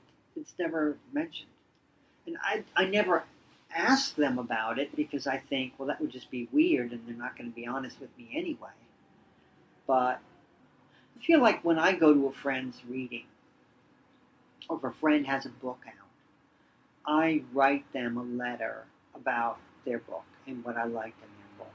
And and then I just noticed one day that like people don't do that. You know, Do you want say, them to do oh, I liked it. Well, I just it just seems like good manners to me. I mean, if it's a friend of yours who But if someone's in the audience and they're not a writer, and they listen to you on NPR, and they, they come up to you afterwards and just say, "I love what you did," that wouldn't mean as much to you as if they were coming at it from almost a writer's standpoint, saying, "I loved that second story, and I love the way that you segued from this scene." to Right, I would scene." change the subject if they said either of those things. You know, because I would be uncomfortable with it. But I would appreciate the attempt. well, I, I just don't know. Are they? But then I have a former. Someone someone said to me a while ago, "Oh no, they're just they're not. Of course, they're not going to say that to you because they're going to think that they're being inarticulate or that you've heard it a million times. Or I'm not asking for it. I just think that it's weird. But but then at the same time, like when I go to book signings, right? I stand in that line and I think, what am I going to say? Everything I've said, you know, everything I could say, he's heard a million times. So you stand in book lines for book signings? Sure. Filled with anxiety about what I'm going to do when my when it's my turn. And so I feel like everyone is me. And so when they get up there, I just take it away from them. And I say, How many abortions have you had? Well, that's what I have noticed about you is like there are a lot of writers who don't remember what it was like to be waiting in line, and you remember what it was like to wait in line. In fact, you t- you talked recently about someone that you wrote to and that you were a big fan of, a writer, and he introduced you. This is a number of years ago. Mm.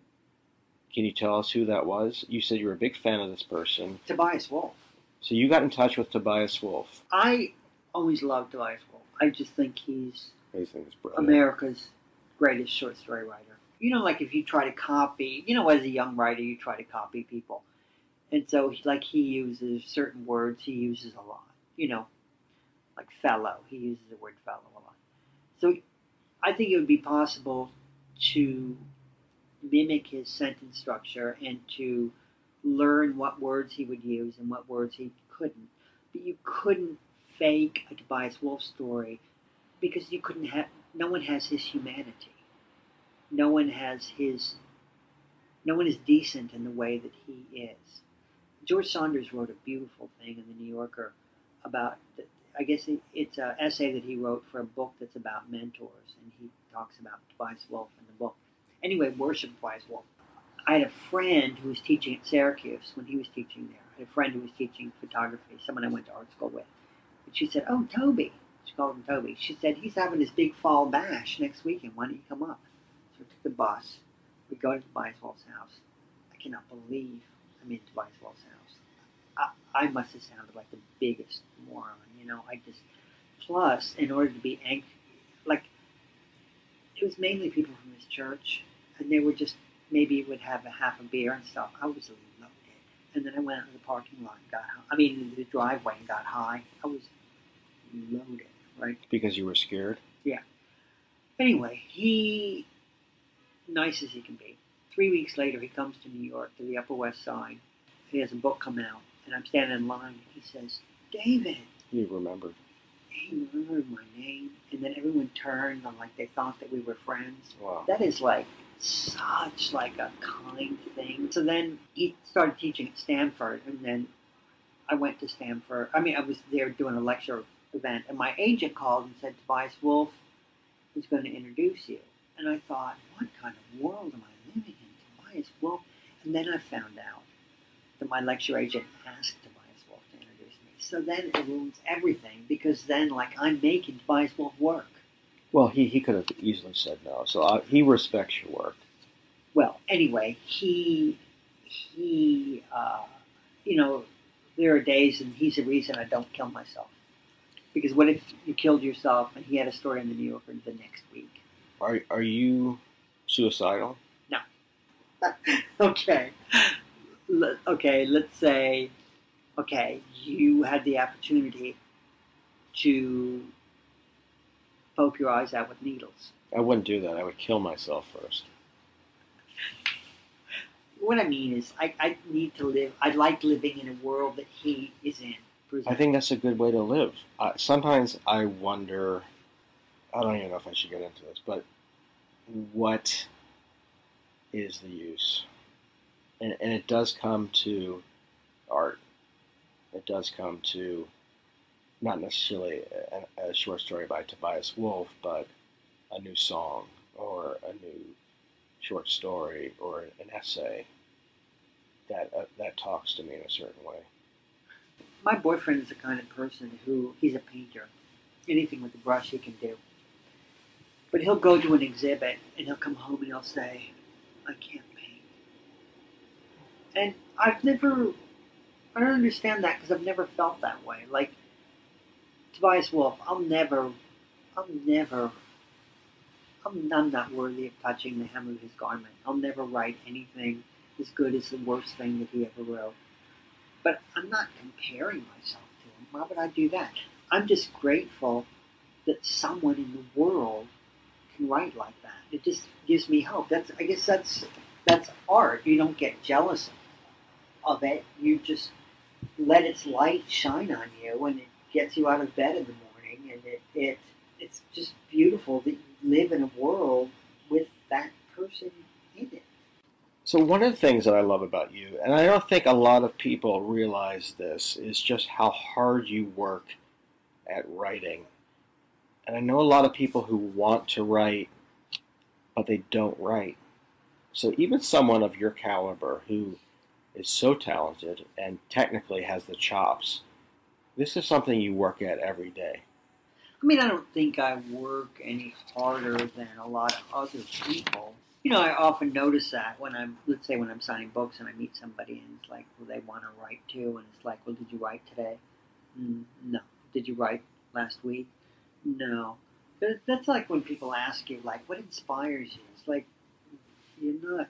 That was in a letter that uh, David Foster Wallace, that Don DeLillo wrote to David Foster Wallace. You know, he was talking about that question. He was saying that inspiration is for amateurs. You know, you just get up and you go to your desk, and you know. That said, when you're writing humor, you know, I, I live to find something ridiculous. I mean, I live to go out into the world and just see something that's that, that, that, that doesn't get any better than that. To find, to have the ridiculous present itself to you. That's, I guess, I would say that. This is the everyday. This is not big life events. This is going out and, and someone telling you that they defecated a button. Yeah. I love that too. so it's it's it's the joy in finding that, right? In, in Yeah. finding a turn of phrase or, or finding I mean, what are the odds that, that you're going to invent something? What are the odds that you're going to invent a joke? What are the odds that you're going to. A couple of years ago, I remember I wrote in my diary that I thought that the Washington Redskins should keep their name, but change their logo to either a Redskin peanut or a Redskin potato, right? Now, to my mind, I made that up, but somebody else could have that in their act. I mean, it, it seems pretty obvious. It seems a pretty obvious thing to me. well, you know what it it isn't though. I mean, because you made the connection that others. I mean, uh, four billion people didn't make that connection. it really would be perfect. It wouldn't would because be. that And way I'm a they say to fan. people, "Sorry, we get to keep our name. That is a Redskin peanut, and it's called a Redskin peanut for a reason." But then the the, con- the consequence is that they'd have to have a peanut, like for their football team. And how great would the mascot be? how great would that be? But that's the thing. I mean, you're making these connections that, yeah, four billion other people could have, but no one did. So here you come along, and you're working at it. If you weren't working at it that day, would you have made that connection? If you were just watching TV, if you're watching reruns of MASH, would you have made that connection? Well, then maybe they would have found something else by watching reruns of MASH. You know how it is. You just have to be on, be aware, you know, of the world around you. Which is can be tiring. It can be exhausting. Well, but I find that once something becomes normal, like when I first started tour, I write in my diary and it's like, I'll write pages and pages about people who I sign books for. But then that becomes kind of normal after a while. And then toward the end of the tour, you wouldn't even really know that I'd signed books unless, you know, usually there's one favorite person and I, you know, so I'm right about that favorite person or maybe somebody had an outstanding name if you worked at the airport, I always thought like I'd love to work TSA. I said to a guy who's patting me down the other day, I said, bet you touch a lot of colostomy bags, don't you? Mm. It, it was a slow day at the airport. I mean, he could have given me some information there. He said it, yeah, sometimes. Then I thought, well, does everyone ask him that? Does everyone ask it? yes, everyone. That's a question I would have thought. Like, how do you know? Like, could he feel how full it was? Yeah, I would ima- I mean, imagine. But wh- I mean, I, I wonder too. I mean, I bet you're surprised a lot by who has a bag. You think you think we'd be shocked if we walked down the street and we saw. Really? Yeah, I think so. Be- I mean, I'm always worried that I'm going to wind up having one because I've been making fun of them all my life. So I think that it's my nightmare. fate to have a colostomy bag. Well, it'd be a fancy one, like like Gucci. Can you have a leather colostomy bag? or, a, or a bootleg one from Chinatown, like a fake polo. No, it would be Poochie. You like my poochie? God, I tell you, it'd be hard to date with that. You know, it's hard enough to date without colostomy bags, but I know. When do you reveal? it would have to what point do be. you- I would come straight out, and I would have it on my profile. I say, listen, you know, good sense of humor, like to read, have a colostomy bag. It would be right there. I wouldn't wait. I, I don't want. I don't want. You, what you want to? You want someone who's going to be okay with that when you are getting intimate. You don't want someone to walk. How bad would you feel if if someone just saw your bag and thought and just left? Well, years ago, I met this guy, and it's the only time I've ever done this because I always, you know, at least would meet somebody in a bar, you know. But I met a guy at the laundromat. It turned out his penis was like you took the penis off of a newborn baby. What do you mean it turned out? So it turned out that you you, you saw this. You, you were Yeah, yeah. We so we we we. It turned out. I reached down there and I think I'm not really feeling anything, and then it turns out that that's and so I thought, well, I have to play through. But I think a lot of people hadn't played through, and so this was in the oh, so days before guy. answering machines. So you had to. You had to play it through. Well, that that's like then you're telling all your friends when you call, let it ring three times and then hang up. and then call again. Right. And I felt bad. Like I just, and it wasn't, it would have been different, let's say, if we'd gotten to know each other. And then I thought, well, you know what? I'm such a great guy that I'm sure we can find a way to make this work. But because I, I just had met him in a laundry, So we'd known each other for like 20 minutes. So I felt, But you played through. What does that mean? Like, so this is a little mushroom you'd find in, in like an omelet at Marriott. yeah, You played through, and what? How do you play through that? What does that mean? That's, you pretend that it's not like a mushroom that you found in the Marriott. You pretend. See, heterosexual men don't have this problem because it's not like we would find a woman and her clitoris was the size of a pea or a chiclet. It doesn't matter to us. But this, this is is is that a big thing in the gay world? If if you go down on someone and they have the, a penis the size of, of, of a mush, an omelet mushroom, does that bring things to a stop? Yeah, I mean, because there's nothing. I mean, I don't even know how he could grip it to masturbate. Did you ask him? No, I mean because it seemed the polite thing seemed to be like just pretend that there was nothing. So you pretended Wrong, that nothing out of place. that it was okay. So how did you grip it? I don't remember. I mean, I'm not being modest. I honestly don't remember. You're no hero. Oh, it could have been one of those ones where you rub somebody. You know, you, you rub against somebody. and- yeah, yeah. Yeah. So you you mentioned, and this was years ago. You said that when you were a teacher at the Art Institute, you said you could you could still recall individual lines from one of your students' short stories, and you said she invented a world that's all her own, and I can't think of any more of anyone more deserving of an audience.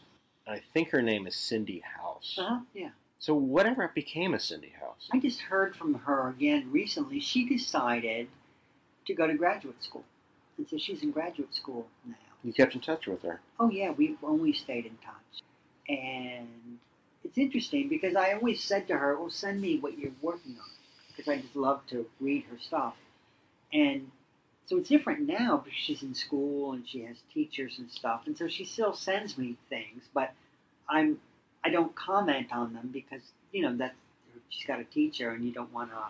She doesn't need it. She doesn't need it. I mean, I think she's she's a remarkable writer, and feel like almost like the tables have turned. You know, she'll come. I'll do a reading, and she'll come to it, and if I say, "What's wrong with that thing that I read?" she'll say, "This, this, this, and this," and it's like wham, finger out every single time. She's so she's so bright and so astute that way, and she would like to teach, and she'd be a fantastic teacher. What made her writing so individual, individualistic that you remembered it? I mean, what was it about it that she invented a world? for starters, she was one of the few students that I had who had really ever really read a short story. She knew what was inside of a book. I mean, a lot of times students would turn things in, and I realized, oh, they think this is what you would find in a book. Like they don't know that you would never find this in a book because they haven't opened enough of them. And she, you know, maybe she was writing about her you know, basing her fiction on her own life, but it was it was believable. Like I believed that character. I believed, and I learned things. And even now, I learn things reading her stories, and I feel like a fool in a way. She would write a story about somebody who was, let's say, going to somebody's, pulling a scam on somebody to get money for drugs. Like it wouldn't occur to me that that person had aspirations or that that person knew who Joyce Carol Oates is or that that person loved somebody. And how rare Really was that? So, I mean, this was really rare. I mean, because I think a lot of times what people know, they don't either don't know how to impart it or they don't think that it's worthy. I mean, most of my students at the time, and again, this was an art school, so it wasn't like they were writing majors, but they were ashamed of their lives. They were. It's only it's, it's poor people and rich people aren't ashamed. It's middle class people who are ashamed, and they feel. You hear it all the time. Well, I just lived in this white bread neighborhood and suburbs and stuff. like they feel like so cheated, like they have no story to tell because, you know, because they're middle class and from the suburbs. And it was interesting to realize that they were ashamed of their lives. And, and poor people would be like, please give me that life. I'll take it. You know, give anything for that life. Do you think status is a new thing too? You can criticize. Like, who are you to say that you feel pain because you grew up upper middle class? Yeah. No, but I think that that's so naive, though, people to think that, you know, if you were middle class, then you're not going to be hurt by certain things. And the thing is, too, now we hear everything because you can get in touch with anyone. Right. You never would have heard it before. I mean, you know, the, the best way to complain always is to get people to laugh. A couple of years ago, I was giving out condoms to teenagers, you know, because I like to have little something. To, I always have a gift for a teenager. So my lecture agent called me one day and said, I got a really angry letter from this woman, and she's just crazy. She said that she came to your show with her 16 year old daughter, and that you gave the daughter a condom but you told her you did not want to be responsible for her losing her virginity, so she could only use it for anal sex. And I said, Oh, I remember her. and the mother was furious. But it's like, that is so over Come the top. Come on. That is so over the top. How can you get angry about that? You can't get angry about someone popping their behind, right? But and a- when a woman came to me uh, a couple weeks ago, I was signing books, and she had a ten-year-old daughter, and I, you know, I started talking to the daughter, and I found out she's ten, and I said, I have something for you, and the mother said, Don't you dare give her a condom. Come was like, Do I really need you to tell me not to give a ten-year-old girl a condom? You know, so what'd you luckily get I had her? a butt plug. Well, a dildo. Yeah. Luckily, I had a butt plug. in. That's the thing. I mean, I don't know any author of your caliber who spends as much time and is as nice to their readers as you are. And the fact that you get criticized, I it would be very hurtful to me. That you know, if, if after spending six and a half hours of talking to everyone, someone's going to write in a letter to you saying, "I didn't like what you said." Yeah, I mean, one, one time these people, I remember the couple. They came and it was she was giving him the book for their anniversary, right? This is the very last people in line, Charlotte, North Carolina. The guy wrote in his book, "You deserve better than this." Well, he wrote me. They both did a furious letter. How dare you? After all that time we waited, that you say I deserve better than my wife, and who are you to criticize my wife? And I wrote back and said, I meant you deserve better than me.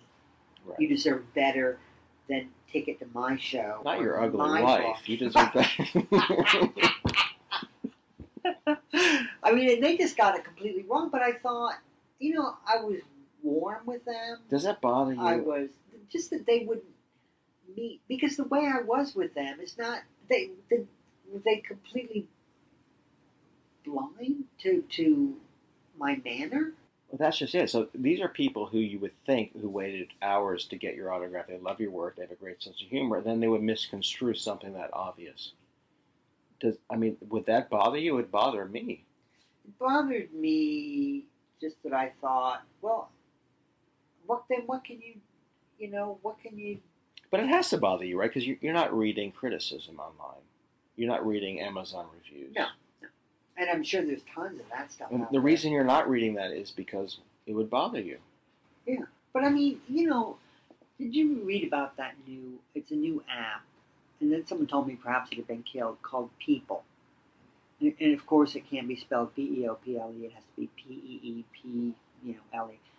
And and it was invented by these two nitwits, and they were interviewed in the New York Times. And Peeple, it's like um, Yelp for pe- for people. Oh no, they rank people. Yeah, so Oh, someone could come to my book signing, Mm. and they can rank me, and there's nothing I can do to stop it. Wow. Right?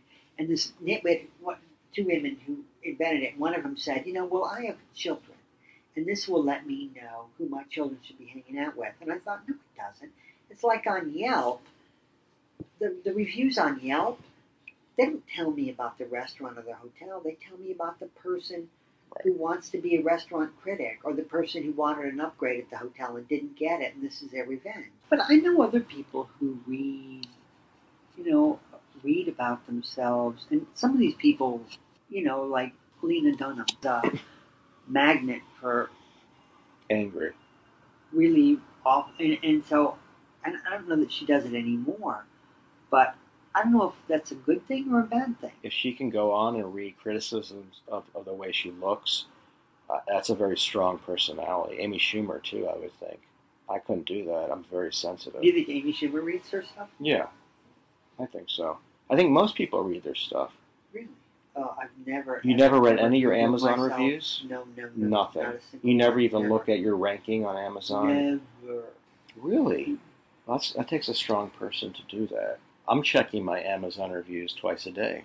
I don't know. I mean, I, I, I don't know if sometimes not seeing it, it's worse in my imagination than I think it's going to be. You know, I, I don't know that I ever submitted anything to anywhere. I just always waited for people to ask me to do things. So I started reading out loud. I read out loud, and then somebody said, "Oh, will you come and read out loud next week?" And I said, "Sure." Oh, will you come and read out loud two weeks from now? oh, can we publish that? Can we have a copy of that to put in our magazine, in our zine, or a, you know, literary magazine that no one's ever read? Sure. And then I thought, well, if I keep it up, maybe better places will, you know, but I was never the kind of person who, who would push myself on people. But I, I did move to New York City because I thought chances are if someone's going to ask you, you know, if the New Yorker is going to ask you to write for them, you kind of need to be in their town. You know, you need to be someplace where, or if, some, if you want someone to say, hey, do you have a book we can publish? You should probably live in New York City because they don't publish books in Raleigh or in Chicago. So I was willing to move for it. But I, I thought too in New York City where, you know, people can be so self-promotional. It feels good to it feels good to find somebody. It feels good to go to somebody and invite invite them before they can ask you. you know, Yeah. Everybody wants that. There's so much self promotion, and you wonder how effective it is in the end. There's so many people self promoting about themselves. In the end, if someone wants you, they're going to ask you. Well, I, I mean, I get a lot of manuscripts and stuff when I go on tour, They hand you books, and, and and then stories that they've written. And you know, you, feel free to pass this on to the New Yorker, and it's somebody who's 20, and nobody gets published when you're 20. no. You know, you shouldn't even be thinking about being published. That's just it. 20. Where do they have the gumption to think that they are deserve to be published in the New Yorker at 20? I mean, I think a lot of people feel like that's half the battle to be confident, but I don't. I think confidence is overrated. Sometimes. All right, so if someone is out there listening, they're a young writer, what, what, what advice would you give them? To just work every day. To just keep working and then trust that the rest will take care of itself. Don't worry about. You know, I, I was very lucky. I think that I lived in a time before you would have a blog or before you would self-publish a book. For the first seven years that I wrote, nobody saw any of it, and which is good because good it's awful. Um, but I think maybe if I was young now, I would think, well, gosh, I just want to get it out there. And so I started my blog, and how many people looked at my blog today? And it's like having something in a magazine. You know, it's different. It's that's nice and fine to have everything in a magazine, but I love being on stage and reading something out loud and hearing the audience and hearing that reaction.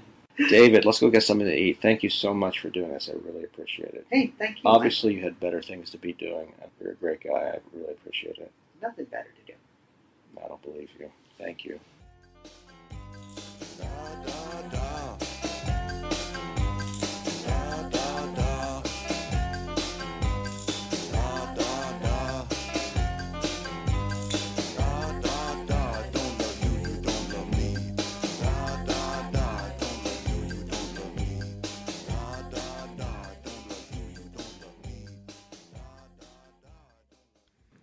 So, as all listeners to this podcast know, the doing itters, I have recently been attempting to find my inner amazing, my inner awesome, as my Mexican healer has called it.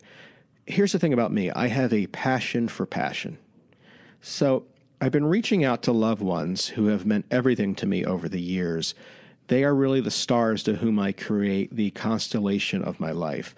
And one person I've wanted to speak to forever was my first girlfriend, my first kiss, Jenny Cook. This all happened on a class trip. We took two class trips, ninth grade, but this was the first class trip to Williamsburg, Virginia, ninth grade, and we went out for about a month. And I have a lot of fantastic memories about that time, like that night I was caught by her father outside her window in a tree, just like in that scene in Back to the Future. We had a lot of fun. We did break up after a month, and Jenny went out with a lifeguard at Virginia Beach. That's the person she went out with after she went out with me. There are certain people from junior high school, high school, college who are easy to find. Some are really difficult to find. So I've been trying to reach Jenny for years and years, and I only had an old email for her, jennycook at earls.com. I had some questions that I wanted to ask her. So I called her mother. I looked her up down in, in Florida where she now lives. She's retired. And she told me that Jenny was now working as a doctor. And then she told me where Jenny is working. But I didn't want to bother her at work. So I started calling Jenny at home, uh, emailing her. But she never really got back to me. And I assumed at first she didn't want to. But I thought about it some more and I consulted with my dream dictionary. And I figured out that it was really up to me to make this happen, that I was the alpha dog in this reconnection, that a lot of my dreams were, in essence, telling me to get in touch, and I always trust my dreams. So I did end up calling her at work. It didn't go great. It didn't go terribly, but it didn't go great. And I play it for you now for one reason, and that is for to encourage you to reach out to those loved ones who've meant a lot in your lives. I think you will be thankful that you've done so. I apologize for the sound quality. I was using a public phone where I make all my important calls when I want privacy. The phone is located behind the High's Grocery on Rockville Pike. Also, Jenny's work phone was not the best type of phone for recording, so I do apologize for the lack of cleanness in this. And here is my conversation with Jen.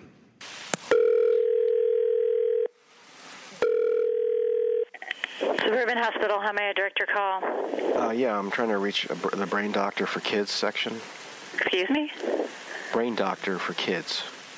You mean pediatric neurology? Sure. Yes. Yes, thank you. Pediatric neurology? Yes, I'd like to speak with Dr. Jennifer Cook, please. She's on rounds. Uh, I can put you through to her answering service. Uh, this is an emergency. Regarding what? Uh, regarding a kid who has something wrong with her brain. Are you a doctor? Yes. Hospital? What? What hospital? General. And your name? Dr. Sacks. And Dr. Cook will know what this pertains to? Get her. All right. I'll have Dr. Cook paged.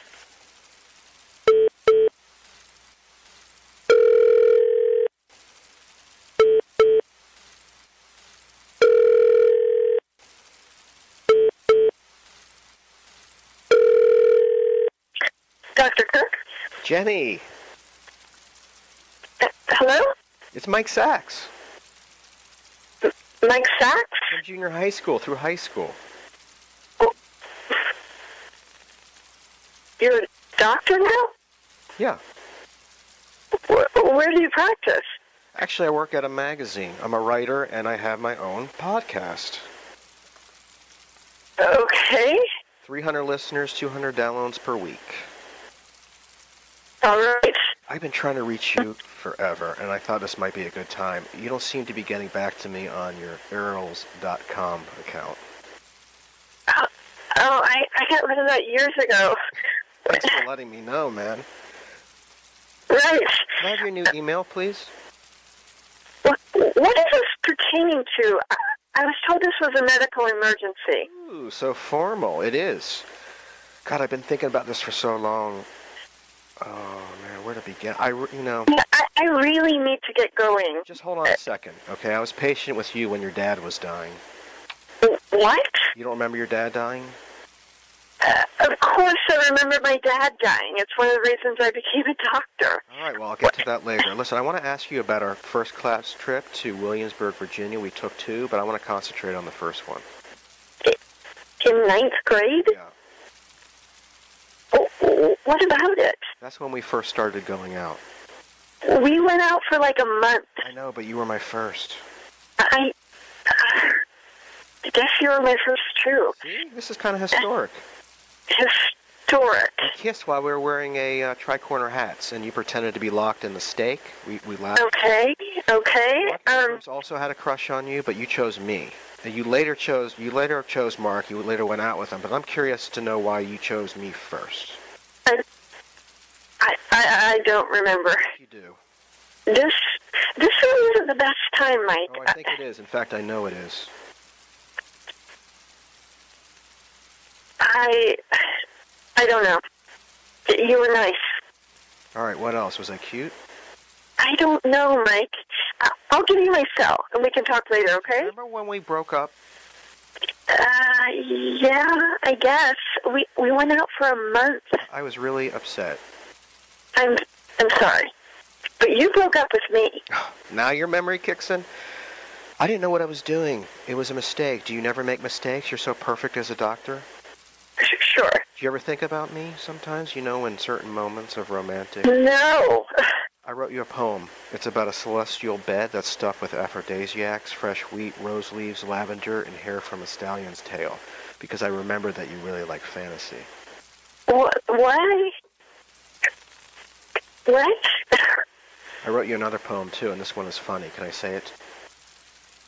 I, I I really need to get back to my patient. Okay. My thing ain't thick, but it certainly doesn't prick. Is that really why you left me, or was it because I spied on you from a tree? Looked right into your room to see you undress. God, that whole thing was a mess. Got oh my God! Back to the Future. Bet you now wish you could have been way cooler. I apologize ten million times, and even once in rhyme. Jen, can I email you? I, was, I just need your email. I want to send you the poem. and I want to send you some other things. You know, I I really need to get back. I need your email. I really do have to head back. What's so vital that I can't wait? A malignant tumor near the pituitary gland. What?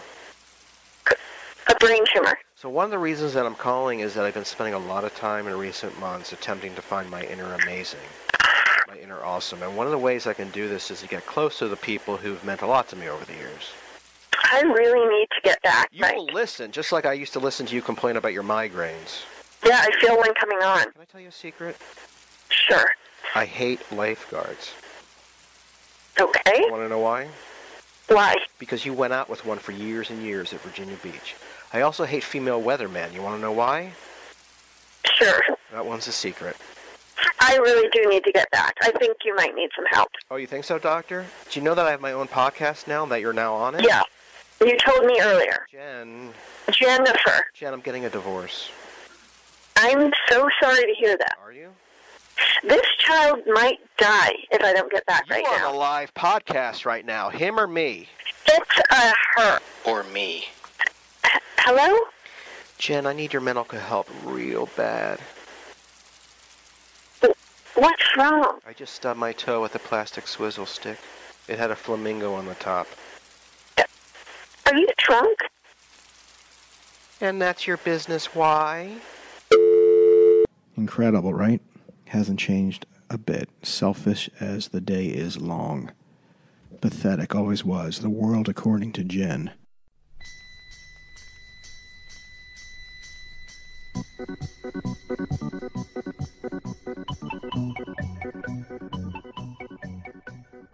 That's it for the 423rd episode of Doing It with Mike Sacks. Here are some highlights from the upcoming podcast. A 90 minute interview with a guy who invented the cheese in the crust pizza. And I have to say, this guy was not easy to find. He's currently jailed in a Malaysian prison, and it was just sheer luck that brought us into contact.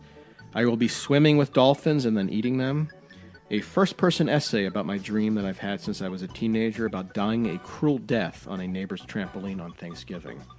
I'm going to be reading in full chapter 4 from the novelization to The Golden Child with Eddie Murphy. Now, we've done this before the very best Genesis songs to listen to while doing it. And this is a 10th time I think we've done this. And the question is this Will the fantastic song We Can't Dance once again be at the top? There will be an interview with far right author Randall Stilson and his new bestseller, The United Snakes of America. Interview with the producer for the 1980 sitcom Bad Bad Leroy and the follow up Leroy Goes to College. Mr. Rocks will stop by with another update on his trip to Binghamton, New York, and what he found up there. Any calcite this week? We will find out. Judge John Rodgman will take questions while wearing an hilarious bushy mustache. He'll say things in a funny and ironic way. I love this guy. Two Step Lucy will show off her verbal dexterity while chewing on a Twizzler, but not with her mouth. There'll be the thought for the week, which will be why your affliction bothers me. Are homeless guys becoming too needy? And finally, why the clitoris is called the devil's raspberry in ancient Greek. The owner of my favorite Gyro stand, Yoni, told me about this, and it should be a lot of fun. I appreciate you joining us. A few shout outs Dax Jordan for playing Jimmy Jam Johnson, the classic rock DJ suffering a nervous breakdown. Dax's work can be found at daxjordan.com. He's a very funny stand up. Check it out. Mike Chase, thank you in Portland for editing that piece together. Emma Allen and David Sedaris, thank you for sitting down and talking with me. Danielle Deschaines and Andrea Salenzi, the great Julie Wright, Rob Schulte for producing, editing, wrangling, and putting all of this into cohesive form. Rob is the one to thank or possibly blame for this podcast. Rob can be reached at robkschulte.com. Let me spell it for you R O B K S C H U L T E.com. Rob is involved with a great podcast called GFY with Max and Rob. And Rob is moving to New York soon. So if you know of any producing, editing, radio jobs, get in touch with this guy. He's fantastic. My latest book is called Poking a Dead Frog Conversations with Today's Top Comedy Writers. My website is mikesacks.com and Until next time, keep your feet on the ground and keep doing it. You'd be surprised at the number of young people who said they want to be like James Brown. But my advice to them is to first get a good education, then pursue a career. Don't be a dropout. Join the rest of your friends that are headed back to school.